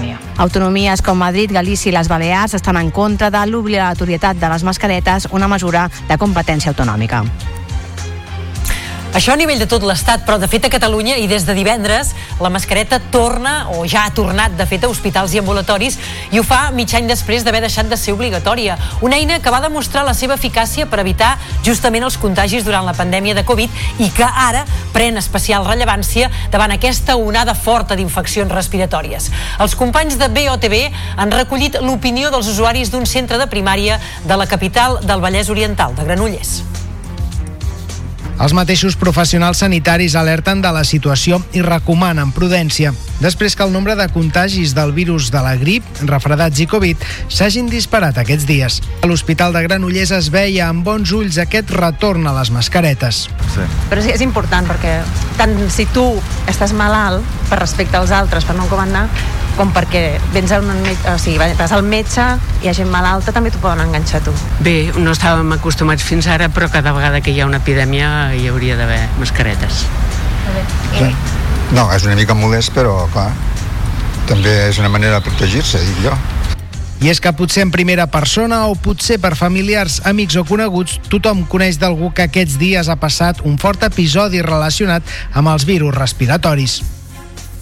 Una mesura que aplaudeixen els professionals també perquè des d'ahir mateix el Sindicat de Metges de Catalunya en aquest mateix programa ja asseguraven que s'estan visquent moments de col·lapse a urgències. En canvi, des del departament s'insisteix que ara com ara la situació encara està controlada. Tot i això, el pic de l'epidèmia, adverteixen, pot arribar d'aquí a una o dues setmanes i Salut, per tant, recomana recuperar hàbits de la pandèmia, no només la mascareta, sinó també la higiene de mans, ventilar espais o vacunar-se. Conrad Casas és subdirector regional de Salut Pública al Camp de Tarragona. Estem en una fase ascendent, no hem arribat encara al pic, però veiem arribar al pic d'aquesta corba epidèmica en una setmana, 15 dies, i després recordem que aquest pic, si el pugem, després l'hem de tornar a baixar. Per tant, conviurem amb la grip i amb contagis de la grip encara unes quantes setmanes.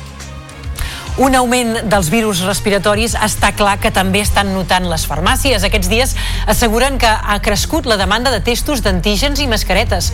Ens ho expliquen des de la televisió de l'Hospitalet. A banda de la medicació habitual, les farmàcies també han registrat un augment de demanda de testos combinats de grip i Covid, fins al punt que algunes farmàcies se n'han quedat sense. S'ha notat molt la demanda de test de Covid, que s'han tornat a multiplicar una altra vegada, i del test combinat, que els hem acabat i no ens arriben, perquè, bueno, perquè també ha, ha coincidit que hi ha hagut laboratoris que estan en vacances, suposo, o, però la cosa és que costen que arribin i han d'arribar ara. Hi ha molts casos, molts casos de grip i de Covid. No, des de molt abans de Nadal, a la segona quinzena de desembre van notar un repunt molt important de casos de grip i la gent demanava constantment fer-se la prova del Covid i sí, sí, nosaltres de moment no hem tingut falta de subministrament de test i tenim dels dos, tant del, del Covid com del combinat. Les farmàcies fan una crida a l'autoresponsabilitat i a dur la mascareta si agafem la grip o la Covid. No només als centres de salut, on torna a ser obligatòria, sinó a d'altres espais, com a la feina i a la pròpia farmàcia. I en aquest context, el Sindicat d'Infermeres de Catalunya continua amb la vaga que va començar el 12 de desembre. En les darreres hores s'han manifestat fins a la plaça de Sant Jaume en una protesta indefinida en què també s'hi han sumat els tècnics sanitaris. Denuncien el que consideren com un maltractament i inactivitat del Departament de Salut. Una de les grans reivindicacions és que el col·lectiu d'infermeres sigui reconegut en la categoria A1. Laia Marçal és vicepresidenta d'Infermeres de Catalunya pensem que les infermeres en si s'han empoderat molt i això de poder sortir al carrer i fer sentir la nostra veu que fins ara era molt difícil i segueix sent difícil perquè moltes companyes estan de mínims però això pensem que ha empoderat molt i ha donat molt, molta, moltes eines a les infermeres. Demanem de treballar amb, amb, amb, amb les eines per poder oferir la millor qualitat que es mereixen els nostres usuaris, poder treballar amb seguretat i amb el reconeixement de, de tota la responsabilitat que tenim dia a dia. De la crònica política us expliquem que Junts per Catalunya vol que el govern central retiri els tres decrets llei que porta al Congrés aquest dimecres i els torni a presentar per temàtiques i negociats amb ells. L'executiu espanyol negocia contraprestacions amb aquest partit per aprovar les primeres mesures que presenta. Esquerra Republicana ha dit que hi votarà a favor. Tot plegat ens ho amplia la Mont Carvajal. Junts per Catalunya votarà en contra amb l'argument que retalla competències de la Generalitat, agreuja el finançament i posa en perill la llei d'amnistia. El portaveu Josep Rius demana que els retirin i els negociïn amb Junts per temàtiques abans de tornar-los a presentar i acusa Pedro Sánchez d'actuar segons fets consumats.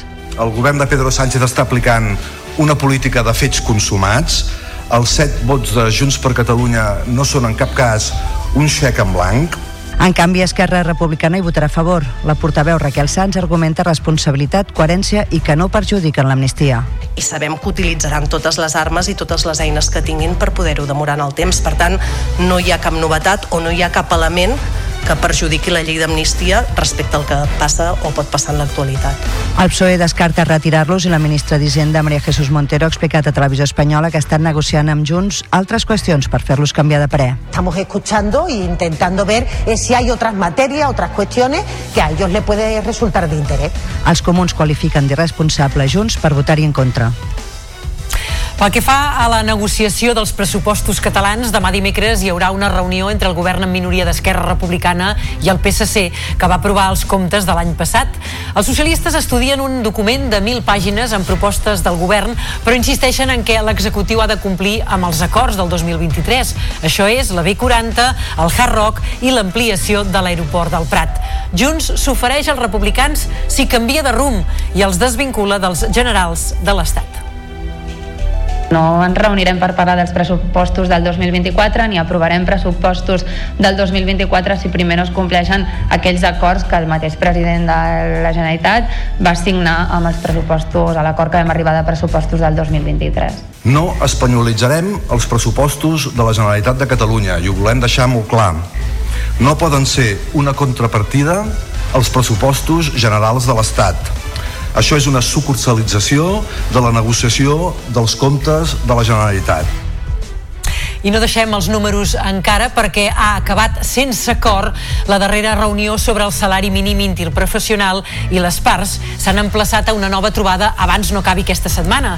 Els sindicats alerten que cal responsabilitat i coherència per equiparar les darreres pujades que han experimentat les pensions més baixes a aquesta remuneració mínima.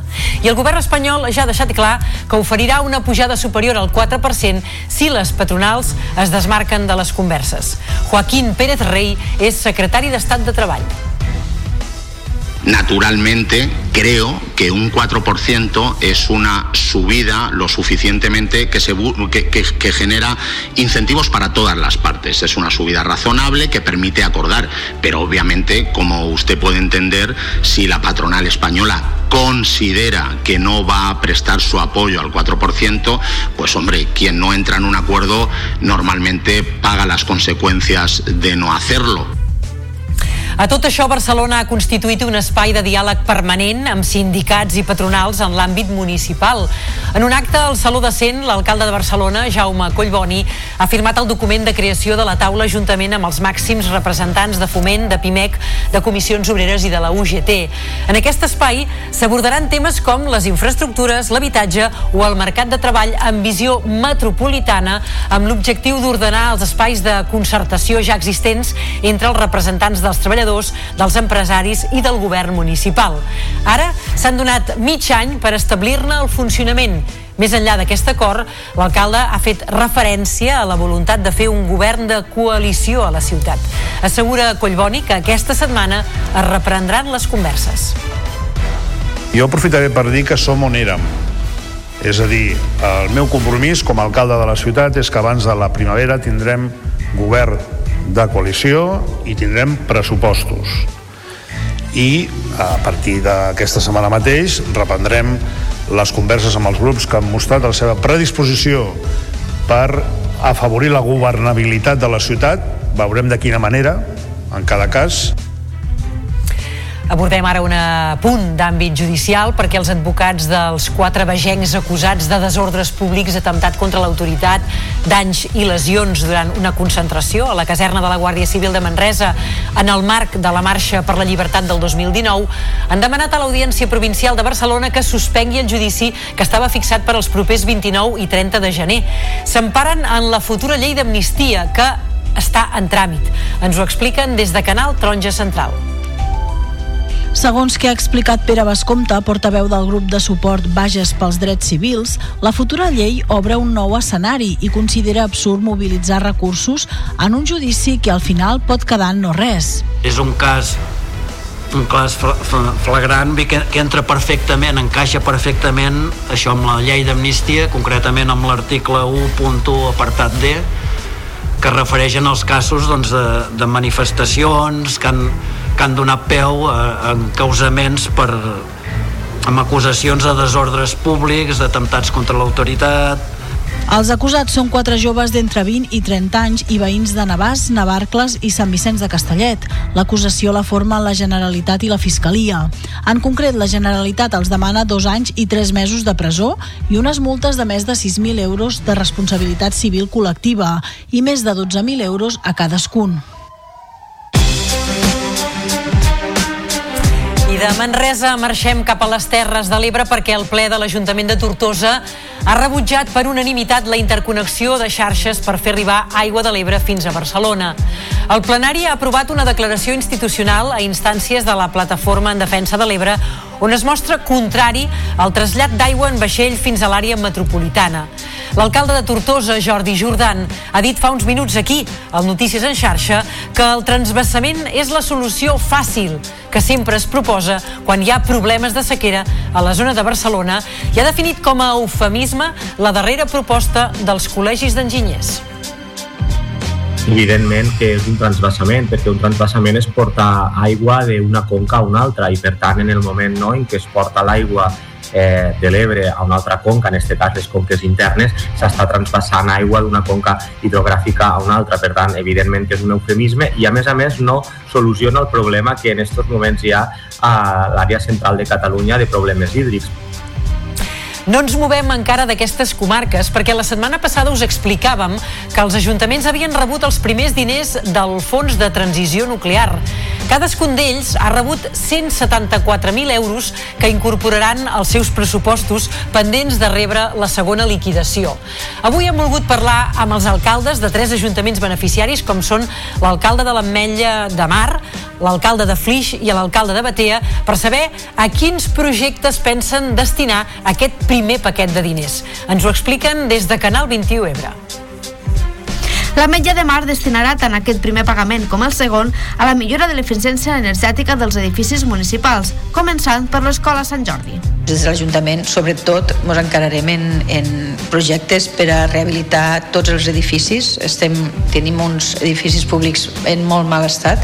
A Flix, l'Ajuntament destinarà aquests primers diners del Fons de Transició Nuclear a completar el finançament de la millora i dinamització comercial del mercat municipal. Climatitzem el mercat, arreglem la plaça i posem també mitjans tecnològics per poder dinamitzar les parades i l'activitat comercial, com ara uns, uns lockers, unes uns armaris de comandes. El segon pagament dels fons es destinarà en gran part a ampliar el centre d'empreses de Flix. En el cas de Batea, els diners del fons de transició nuclear corresponent al 2023 es destinaran íntegrament a la compra de la parcel·la i construcció d'una nau que l'Ajuntament traurà concurs per a la instal·lació d'una fàbrica de pantalles LED. Esta setmana inclús ja hem avançat el projecte, tindrem el projecte. Nosaltres preveiem en este, en este inici i des de l'espenta de l'Ajuntament crear al voltant de 35 llocs de treball. Joaquim Paladella també ha fet una crida als empresaris a aprofitar l'oportunitat que representen aquests diners per executar projectes i noves inversions al territori.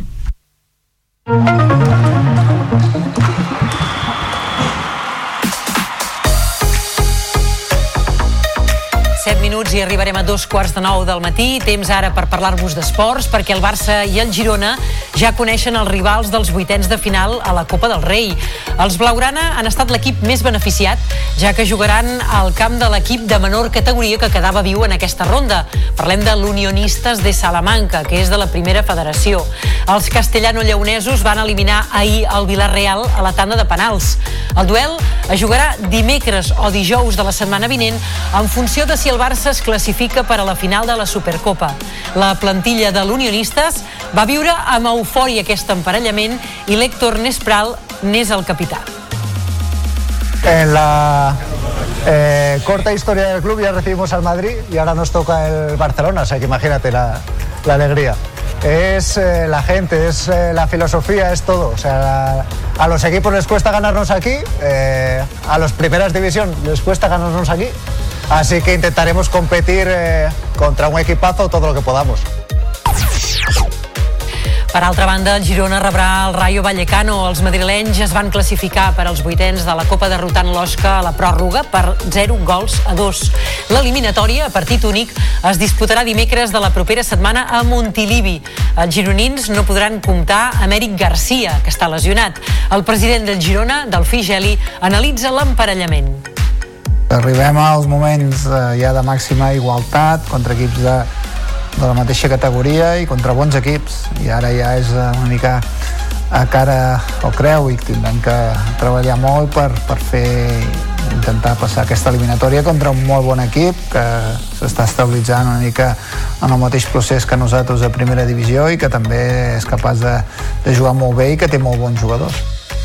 Abans de la Copa, el Barça haurà de disputar, però, la Supercopa que arrenca demà a l'Aràbia Saudita amb la semifinal entre el Real Madrid i l'Atlètic de Madrid, que també han quedat emparellats a la Copa. Els Blaugrana debutaran dijous contra l'Ossassuna. L'equip viatjarà aquest migdia cap a Riad sense Íñigo Martínez, que es va lesionar contra el Barbastre i haurà d'estar entre 4 i 5 setmanes de baixa. Per contra, la novetat a la convocatòria serà la inclusió de Pedri, el canari que va fer part de l'últim entrenament amb l'equip l'equip podria estar disponible en cas que els de Xavi disputin diumenge la final. I al Dakar, el pilot de motos Carles Falcón continua en coma induït per la caiguda durant la segona etapa. Segons informa el seu equip, s'ha decidit posposar l'operació de la fractura d'una vèrtebra per rebaixar l'edema cerebral que pateix. En l'àmbit de la competició, ha en marxa a aquesta hora la quarta etapa del Dakar de 631 quilòmetres entre el Salamia i el Hofuf. En la darrera etapa, triomf en cotxes per a la parella formada per Lucas Moraes i l'igualadí Armand Montleón. Laia Sanz, que acabava en la posició 31, es manté en el top 20 de la General. Era important arribar amb el cotxe sencer, a més hem, hem punxat a principi d'especial i encara ens ha fet anar més conservadors, però avui era important arribar així perquè només hi ha dues hores d'assistència i els mecànics no tindran gaire feina, eh, l'equip està fent una bona feina i demà esperem poder córrer una mica més.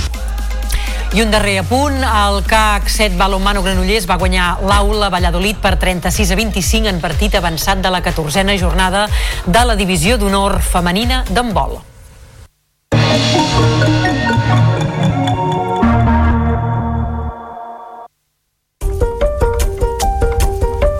Amb la cultura arribarem a dos quarts de nou. El director de cinema, guionista i productor català Ventura Pons ha mort als 78 anys. Va dirigir més d'una trentena de pel·lícules i es va convertir en un dels cineastes més prolífics en llengua catalana. Va adaptar textos d'autors contemporanis com Josep Maria Benet i Jornet, Sergi Belbel o Lluïsa Coniller. Reconegut internacionalment, sempre va lluitar perquè les seves pel·lícules s'estrenessin en català. Al llarg de la seva carrera va ser distingit amb la Creu de Sant Jordi, el Premi Nacional de Cinema i el Gaudí d'Honor de l'Acadèmia del Cinema Català, entre d'altres.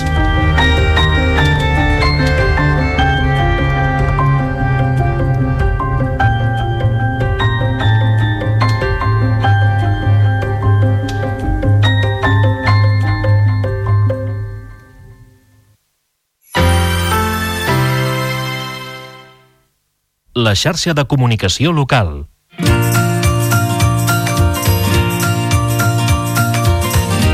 Gent del Som Terra.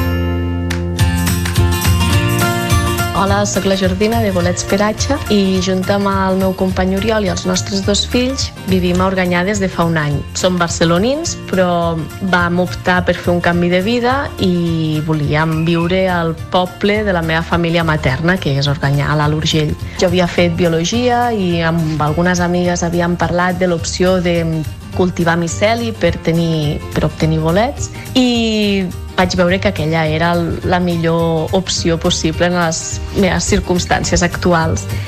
I això és el que hem estat muntant fins ara i bé, alhora també en els últims 10 anys havia treballat en l'àmbit de la recerca en les llengües de signes i la sordesa i també no volia deixar això enrere, no? Així que mm, ho he barrejat tot i d'això n'ha sorgit Bolets Peratge, que el que vol també, a part de poder produir gírgoles ecològiques és poder crear un entorn laboral inclusiu per a persones sordes. Hem optat per les gírgoles perquè ens sembla un bolet autòcton, molt versàtil realment. És imprescindible no utilitzar pesticides, tant per l'entorn com per les persones, però a més a més mm, el que volem és fer un cultiu sostenible i per tant l'energia per produir el miceli eh, la utilitzem solar. Esperem que les gírgoles de bolets per us encantin i ens veiem aviat per aquí a l'Urgell. T'interessa el sector primari? Trobaràs el podcast del Som Terra al Territori Podcast de la xarxa Més.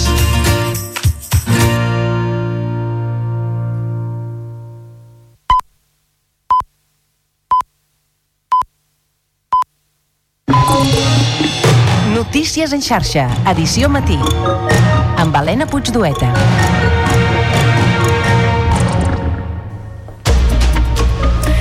Bon dia, avui us estem explicant que la policia investiga com a possible violència vicària la mort d'un home i els seus dos fills menors d'edat en un pis del districte d'Horta Guinardó de Barcelona.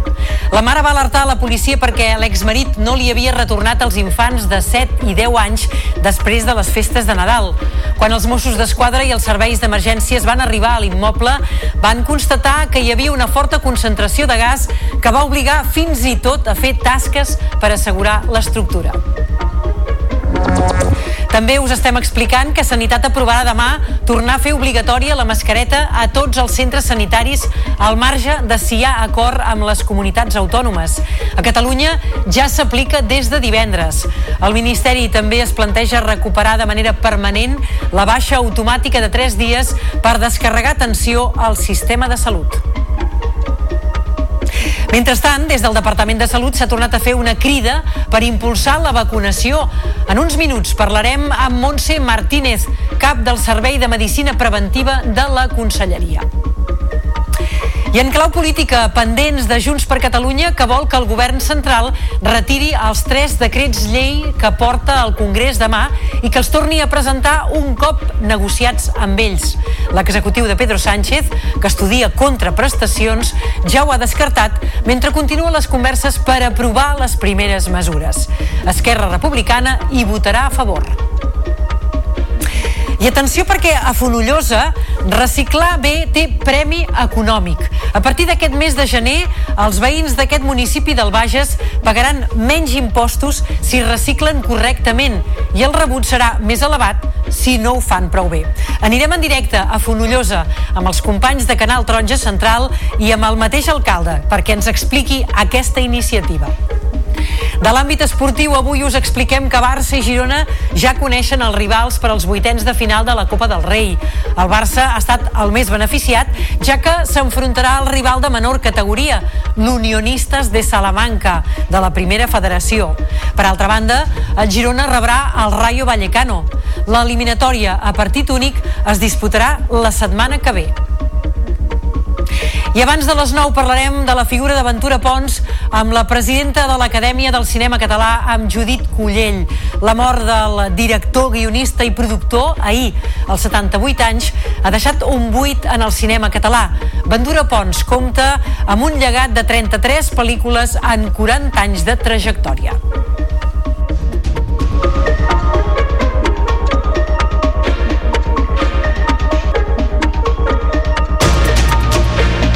Notícies en xarxa, edició matí.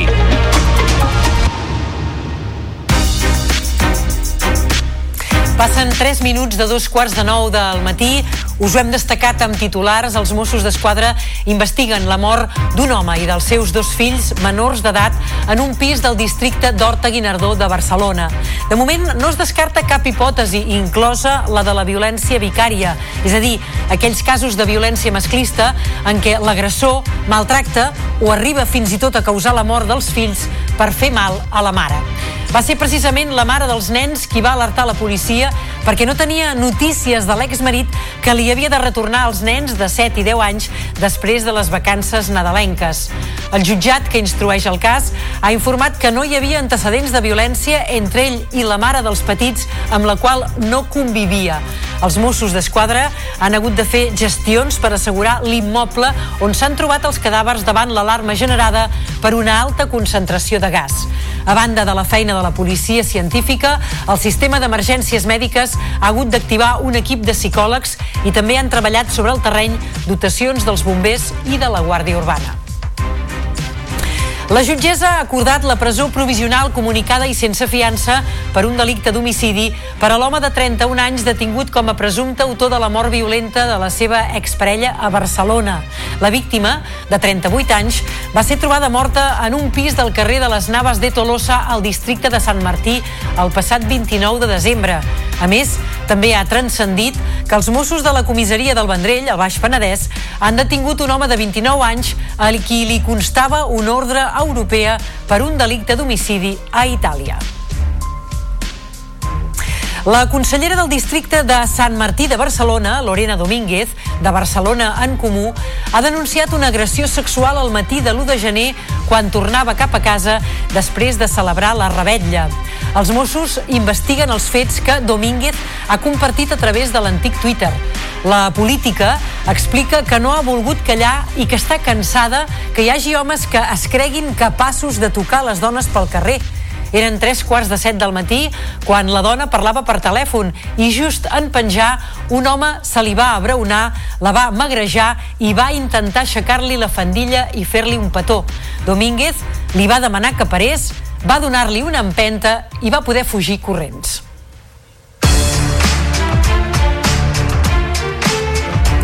Una altra de les notícies destacades d'avui és que Sanitat aprovarà justament demà dimecres tornar a fer obligatòria la mascareta a tots els centres sanitaris al marge de si hi ha acord amb les comunitats autònomes. Ho farà a partir de l'article 65 d'actuacions coordinades en salut pública i en seguretat alimentària. Així ha transcendit en les darreres hores després de la interterritorial en què el Ministeri ha exposat que estudia recuperar per sempre la baixa automàtica de 3 dies amb l'objectiu de destensionar el sistema de salut. Ens ho amplia la Carina Bellver. La baixa automàtica de 3 dies és una autodeclaració responsable del treballador per justificar malalties lleus sense necessitat d'acudir al metge. És una reclamació històrica dels metges de primària, es va aplicar durant la pandèmia de Covid-19 i ara es vol recuperar per sempre amb el mateix objectiu d'extensionar el sistema de salut. El Ministeri de Sanitat està en converses amb Treball i la Seguretat Social, però encara no hi ha data d'implantació de la mesura que s'havia previst inicialment davant el pic d'infeccions respiratòries que està col·lapsant el sistema sanitari. El Consell Interterritorial de Salut i davant la falta d'acord entre les autonomies, la ministra de Sanitat també els ha donat 48 hores perquè presentin al·legacions a la proposta que les mascaretes tornin a ser obligatòries no només als centres de salut i als sociosanitaris, com ja ha decretat la Generalitat, sino también a las farmacias. Después de la pandemia sufrida, hemos aprendido y no nos resignamos a las cifras prepandemia. Y por eso, desde este Ministerio, vamos a seguir trabajando para minimizar los riesgos y homogenizar la protección de la salud a toda la ciudadanía. Autonomies com Madrid, Galícia i les Balears estan en contra de l'obligatorietat de les mascaretes, una mesura de competència autonòmica. De fet, això que us explicava més a nivell de tot l'Estat, tot i que a Catalunya des de divendres ja està en vigor aquesta obligatorietat de dur la mascareta en determinats espais i de fet és una mesura que aplaudeix el mateix professional. Per exemple, el mateix sindicat de metges de Catalunya reconeixia que aquesta era una bona mesura perquè eh, en aquest mateix programa asseguraven que s'han viscut o que s'estan visquent moments ara mateix de col·lapse a urgències. En canvi, des del Departament de Sanitat s'insisteix que la situació encara ara com ara està controlada. El pic de l'epidèmia, però, val a dir, arribarà d'aquí a una o dues setmanes com a molt i Salut recomana recuperar hàbits de la pandèmia, no només la mascareta, sinó també eh, qüestions com la higiene de mans, ventilar espais o vacunar-se. Conrad Casas és subdirector regional de Salut Pública al Camp de Tarragona. Estem en una fase ascendent, no hem arribat encara al pic, però veiem arribar al pic d'aquesta corba epidèmica en una setmana 15 dies i després recordem que aquest pic, si el pugem, després l'hem de tornar a baixar. Per tant, conviurem amb la grip i amb contagis de la grip encara unes quantes setmanes. Doncs el que dèiem, eh, aquest govern català que fa una crida a la població, a la ciutadania en general, a vacunar-se contra la grip i contra la Covid, perquè, com us explicàvem, encara no s'ha arribat al pic de contagis. En volem parlar d'aquesta qüestió amb la Montse Martínez. Ella és del Servei de Medicina Preventiva, també pertany a la Subdirecció General de Promoció de la Salut i és secretària de Salut Pública. Senyora Martínez, bon dia i gràcies per atendre'ns. Bon dia a vosaltres, gràcies. Per què aquesta crida? Què ho fa necessari i què és el que ha fallat que us faci obligatori d'alguna manera al govern i també a les autoritats sanitàries a dir-li a la ciutadania que, si plau que fora mandra i que se'n vagi a vacunar?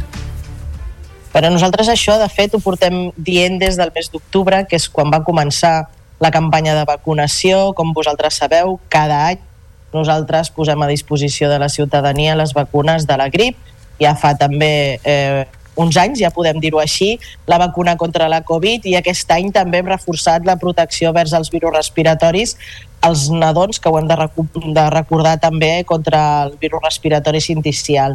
Nosaltres aquesta campanya sempre s'entega i s'engega al mes d'octubre precisament per evitar doncs, tots els casos eh, i complicacions eh, de les persones a les quals nosaltres adrecem aquesta campanya que si ho recordem una mica així per, per recordar-ho a tota la població, doncs bàsicament són totes les persones majors de 60 anys i totes aquelles menors de 60 anys que tinguin algun tipus de patologia. Per tant, nosaltres aquesta crida, ara el que estem fent és recordar-ho eh, bàsicament perquè ara estem a, a ple, eh, no, no hem arribat encara, però estem aquí aquí amb el pic de, de casos de grip precisament i és un bon moment per recordar que tenim una mesura preventiva, eficaç, que és la vacuna i que està disponible a la ciutadania, als centres de salut. Podríem fer una comparativa? És a dir, eh, si feu la crida entenc que, més enllà de, de perquè ara és, és un bon moment per, per vacunar-se, entenc que és perquè potser tampoc no ha vingut tota la gent que esperàveu que vingués a vacunar-se. De quins percentatges estem parlant respecte potser l'any passat o anteriors edicions? Nosaltres, nosaltres estem ara, eh, recordem que la pandèmia, abans de que estiguessin les vacunes de Covid, eh, va haver una vacunació de grip eh, vull dir, amb unes cobertures eh, realment superiors a les que teníem habitualment. Ara direm que estem en unes cobertures habituals eh, d'abans de la pandèmia, és a dir, abans 17, 18, 19, per tant, eh, lluny de l'objectiu que nosaltres tenim marcat, que és un 75% eh, de cobertura per, per aquests col·lectius que nosaltres hem dit, majors de 60 i menors amb patologies de risc. I com estem ara? Doncs precisament eh, cobertura de la grip tindríem un 66% en persones de més de 80, un 53 en majors de 70 i un 47 en majors de 60 i globalment estaríem amb un 36%. Per tant, estem lluny encara d'aquest 75%, queda molta gent per vacunar-se i nosaltres eh, s'han fet tot molts esforços des del mes d'octubre, molta gent s'ha vacunat, entre grip i Covid hem posat més de 2,3 milions, són moltes dosis de vacunes, però encara eh, tenim disponibles la, les vacunes com cada any, això no és diferent, nosaltres oferim a la ciutadania les vacunes fins al mes de març, que és habitualment quan s'acaba la temporada epidèmica de la grip i, i per tant estan disponibles. I el que volem és això, augmentar aquests percentatges que ens agradaria que s'acostessin més a l'objectiu que nosaltres tenim marcat inicialment. Un parell de preguntes encara m'agradaria fer-li. D'entrada, com definiu des del Departament de Salut la situació que es viu ara mateix a urgències i als centres d'atenció primària? Ho dic perquè el sindicat de metges sí que parlaven d'un cert col·lapse, entenc que a les urgències dels hospitals. Des de Salut, quin és el diagnòstic que feu en relació a aquesta capacitat d'absorció dels malalts que van eh, eh, pues això, als CAPs o als hospitals? Jo em sap molt de greu, però en aquest aspecte no et puc ajudar gaire, Vaja. perquè el, el meu coneixement és bàsicament el que seria la medicina preventiva, les vacunes, en això us puc ajudar en tot el que vulgueu, insistir, recordar eh, la importància de la vacunació, però malauradament no, no, no, no és el meu àmbit eh, poder valorar aquest aspecte. Doncs una, una darrera qüestió, Montse Martínez, del Servei de Medicina Preventiva.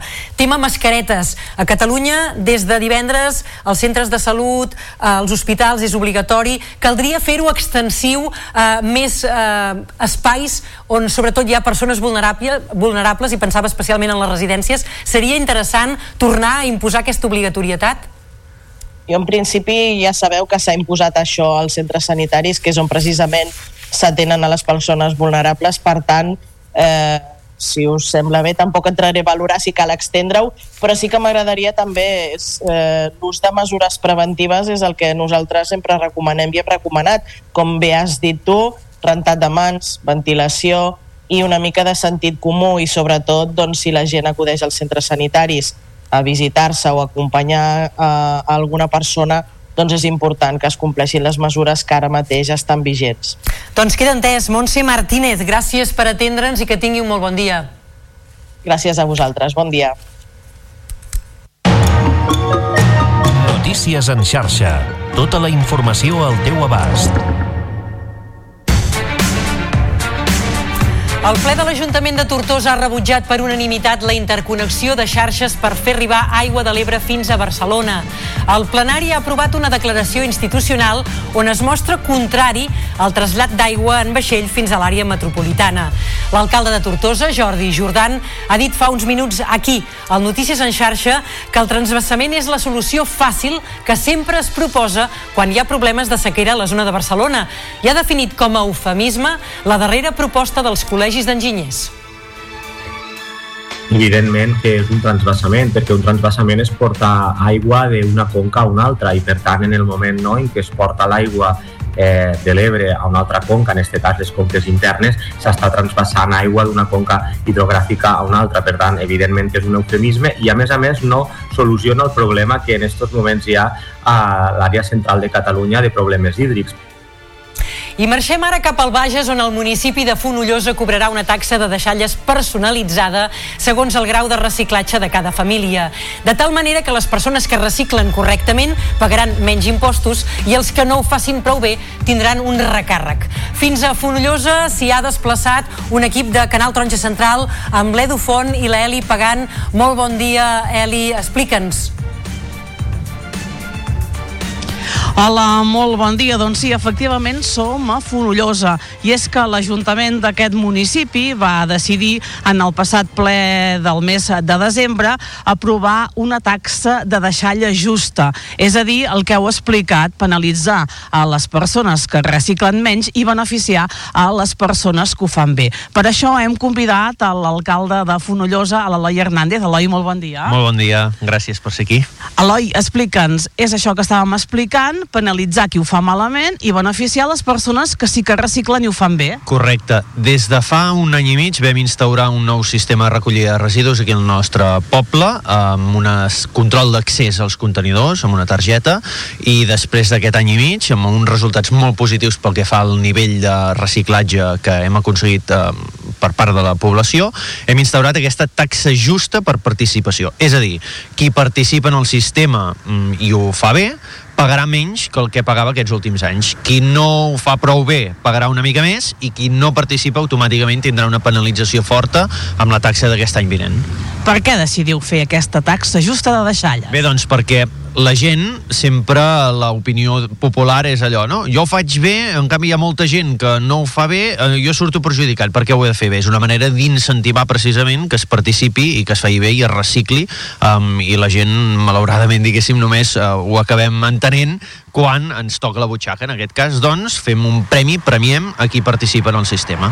Com es fa aquest control? Com sabreu quina família de Fonollosa ho fa bé, qui ho fa malament? Com es fa tot aquest control? El, el sistema recollida ara mateix eh, funciona de la següent manera. Els contenidors d'envasos de vidre i de paper estan oberts com sempre i per tant la gent hi pot accedir de manera lliure. El contenidor d'orgànica i el contenidor de rebuig està tancat i s'obre amb una targeta, una targeta que és per cada llar, per tant és identificativa normativa. Quan tu obres el contenidor d'orgànica, queda fitxat, queda marcat que tu has accedit en aquell contenidor. L'orgànica s'hi pot accedir durant tota la setmana i el rebuig, en aquest cas, només es pot obrir un cop a la setmana. Al cap de l'any tenim el llistat de les obertures dels accessos a aquests contenidors i serà el que ens permetrà saber quantes vegades s'han utilitzat i per tant si es participa o no es participa en el sistema i per tant si apliquem la bonificació o apliquem la penalització per no participar del sistema.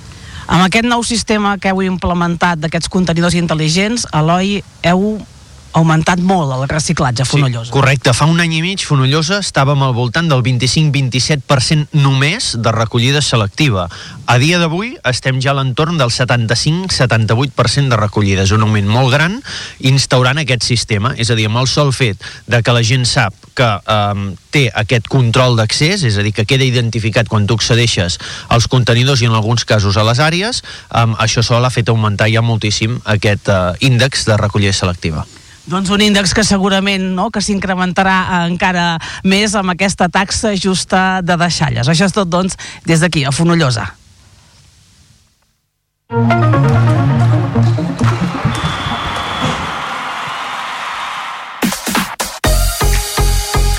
11 minuts per arribar a les 9, temps per eh, parlar dels esports amb el Barça i el Girona, que ja coneixen els seus rivals en els vuitens de final de la Copa del Rei. Marta Casas, molt bon dia. Hola, bon dia. Doncs els blaugranes van ser els més beneficiats d'aquest sorteig que van quedar emparellats amb el rival d'inferior categoria que continua viu en aquesta ronda. És l'Unionistes de Salamanca, equip de la primera federació. Els castellano-lleonesos es van classificar ahir eliminant el Villarreal a la tanda de penals. El duel entre blaugranes i salmantins es jugarà dimecres o dijous de la setmana vinent en funció de si el Barça es classifica per a la final de la Supercopa. La plantilla de l'Unionistes va viure amb eufòria l'emparellament. Héctor Nespral n'és el capità. En la eh, corta historia del club ya recibimos al Madrid y ahora nos toca el Barcelona, o sea que imagínate la, la alegría. es eh, la gente, es eh, la filosofía, es todo. O sea, a los equipos les cuesta ganarnos aquí, eh, a los primeras división les cuesta ganarnos aquí, así que intentaremos competir contra un equipazo todo lo que podamos. Per altra banda, el Girona rebrà el Rayo Vallecano. Els madrilenys es van classificar per als vuitens de la Copa derrotant l'Osca, la pròrroga, per 0 gols a 2. L'eliminatòria a partit únic es disputarà dimecres de la propera setmana a Montilivi. Els gironins no podran comptar per aquest partit amb Eric Garcia, que està lesionat. El president del Girona, Delfí Geli, analitza l'emparellament Arribem als moments eh, ja de màxima igualtat contra equips de, de la mateixa categoria i contra bons equips i ara ja és eh, una mica a cara o creu i tindrem que treballar molt per, per fer intentar passar aquesta eliminatòria contra un molt bon equip que s'està estabilitzant una mica en el mateix procés que nosaltres a primera divisió i que també és capaç de, de jugar molt bé i que té molt bons jugadors. Abans de la Copa, el Barça haurà de disputar la Supercopa que arrenca demà a l'Aràbia Saudita amb la semifinal entre el Real Madrid i l'Atlètic de Madrid, que també han quedat emparellats a la Copa. Els blaugrana debutaran dijous contra l'Ossassuna. L'equip viatjarà aquest migdia cap a Riad sense Íñigo Martínez, que es va lesionar contra el Barbastre i haurà d'estar entre 4 i 5 setmanes de baixa. Per contra, la novetat a la convocatòria serà la inclusió de Pedri, el canari que va fer part de l'últim entrenament amb l'equip, podria estar disponible en cas que els de Xavi disputin diumenge la final. I el joventut es reforça amb la incorporació de Shannon Evans, segon màxim anotador de la CB fa dues temporades. El de Virgínia, de 29 anys, prové del bàsquet xinès. Evans no arribarà a temps, però per debutar demà davant l'Hamburg a l'Eurocup i caldrà esperar fins dissabte per veure'l en acció amb la samarreta verd i negra en el duel de Lliga contra el Saragossa. I al Dakar, el pilot de motos Carles Falcón continua en coma induït per la caiguda durant la segona etapa. Segons informa el seu equip, s'ha decidit posposar l'operació de la fractura d'una vèrtebra per rebaixar l'edema cerebral que pateix. En l'àmbit de la competició, en la darrera etapa triomfen cotxes per la parella formada per Lucas Moraes i l'igualadí Armand Monleón. Laia Sanz, que acabava en la posició número 31, es manté en el top 20 de la general.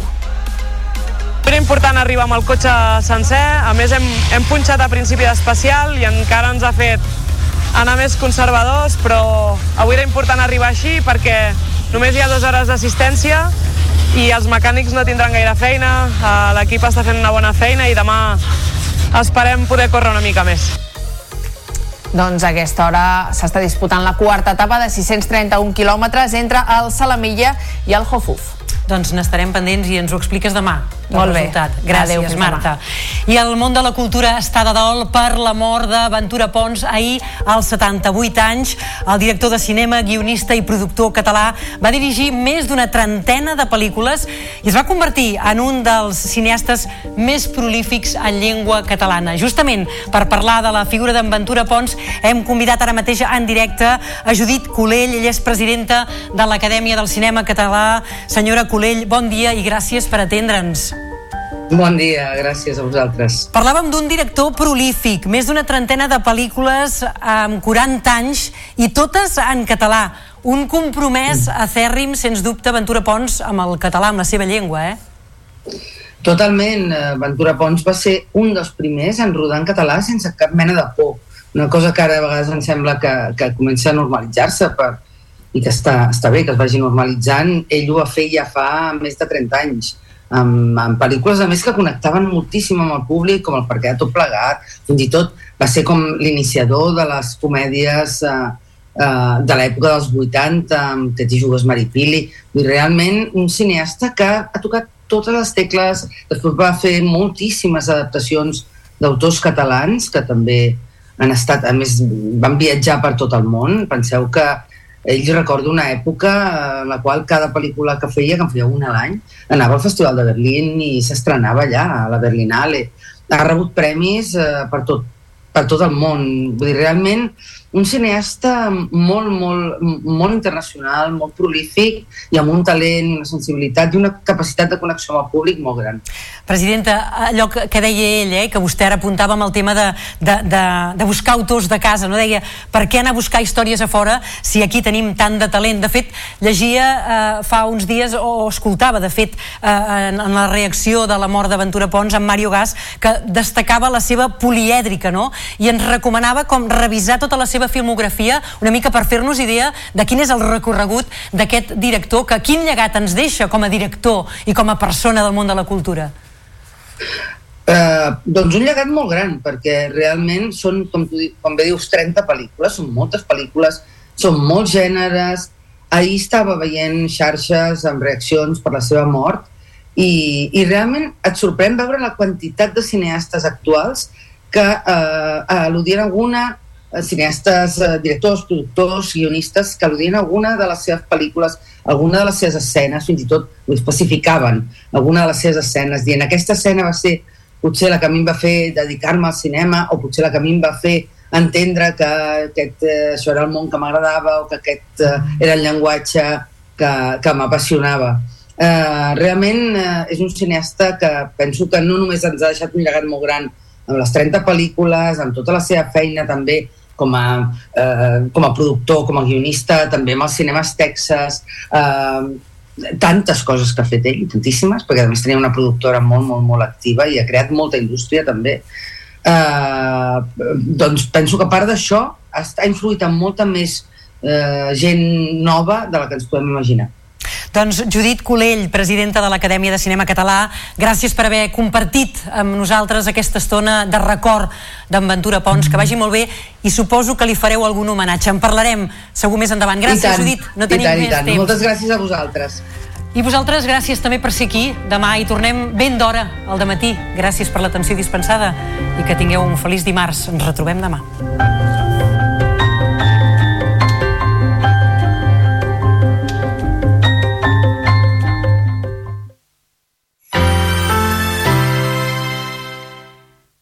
La xarxa de comunicació local.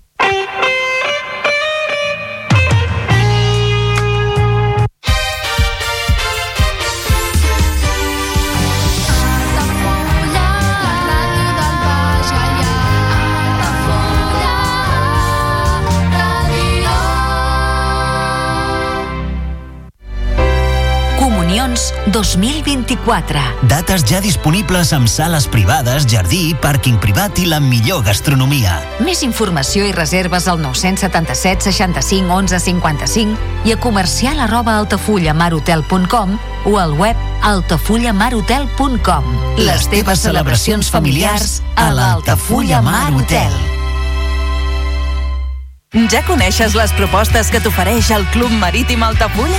Vine i descobreix totes les nostres activitats. Sortides en caiac o pa del sur, cursos de vela per a totes les edats. No t'ho perdis. Club Marítim Altafulla. Obert tot l'any i per a tothom. Carrer Major, el programa de les emissores del Camp de Tarragona. Cada dia de 4 a 6 de la tarda, el que passa al Camp de Tarragona t'ho expliquem amb la major redacció d'un programa de territori quilòmetre zero. Periodisme de proximitat, continguts de qualitat, amb Anna Plaza i Toni Mateos. Carrer Major. Al meu país la pluja no sap ploure. El canvi climàtic asseca els rius, posa en risc l'abastament d'aigua i la producció d'aliments. Treballem per fer front a la sequera i garantir l'aigua, però cal l'esforç de tothom. Cada gota compte. La pluja no la controles, l'aixeta sí. Generalitat de Catalunya, sempre endavant.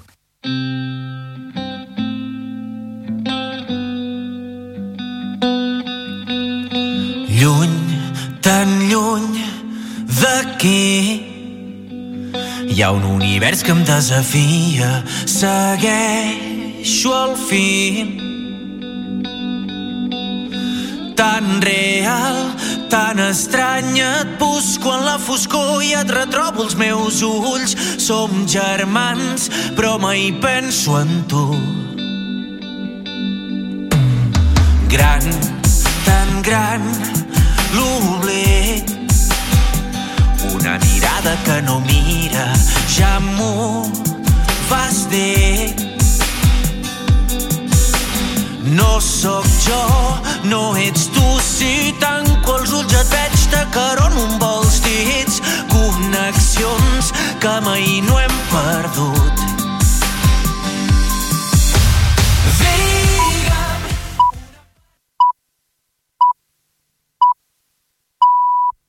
Són les 9 del matí.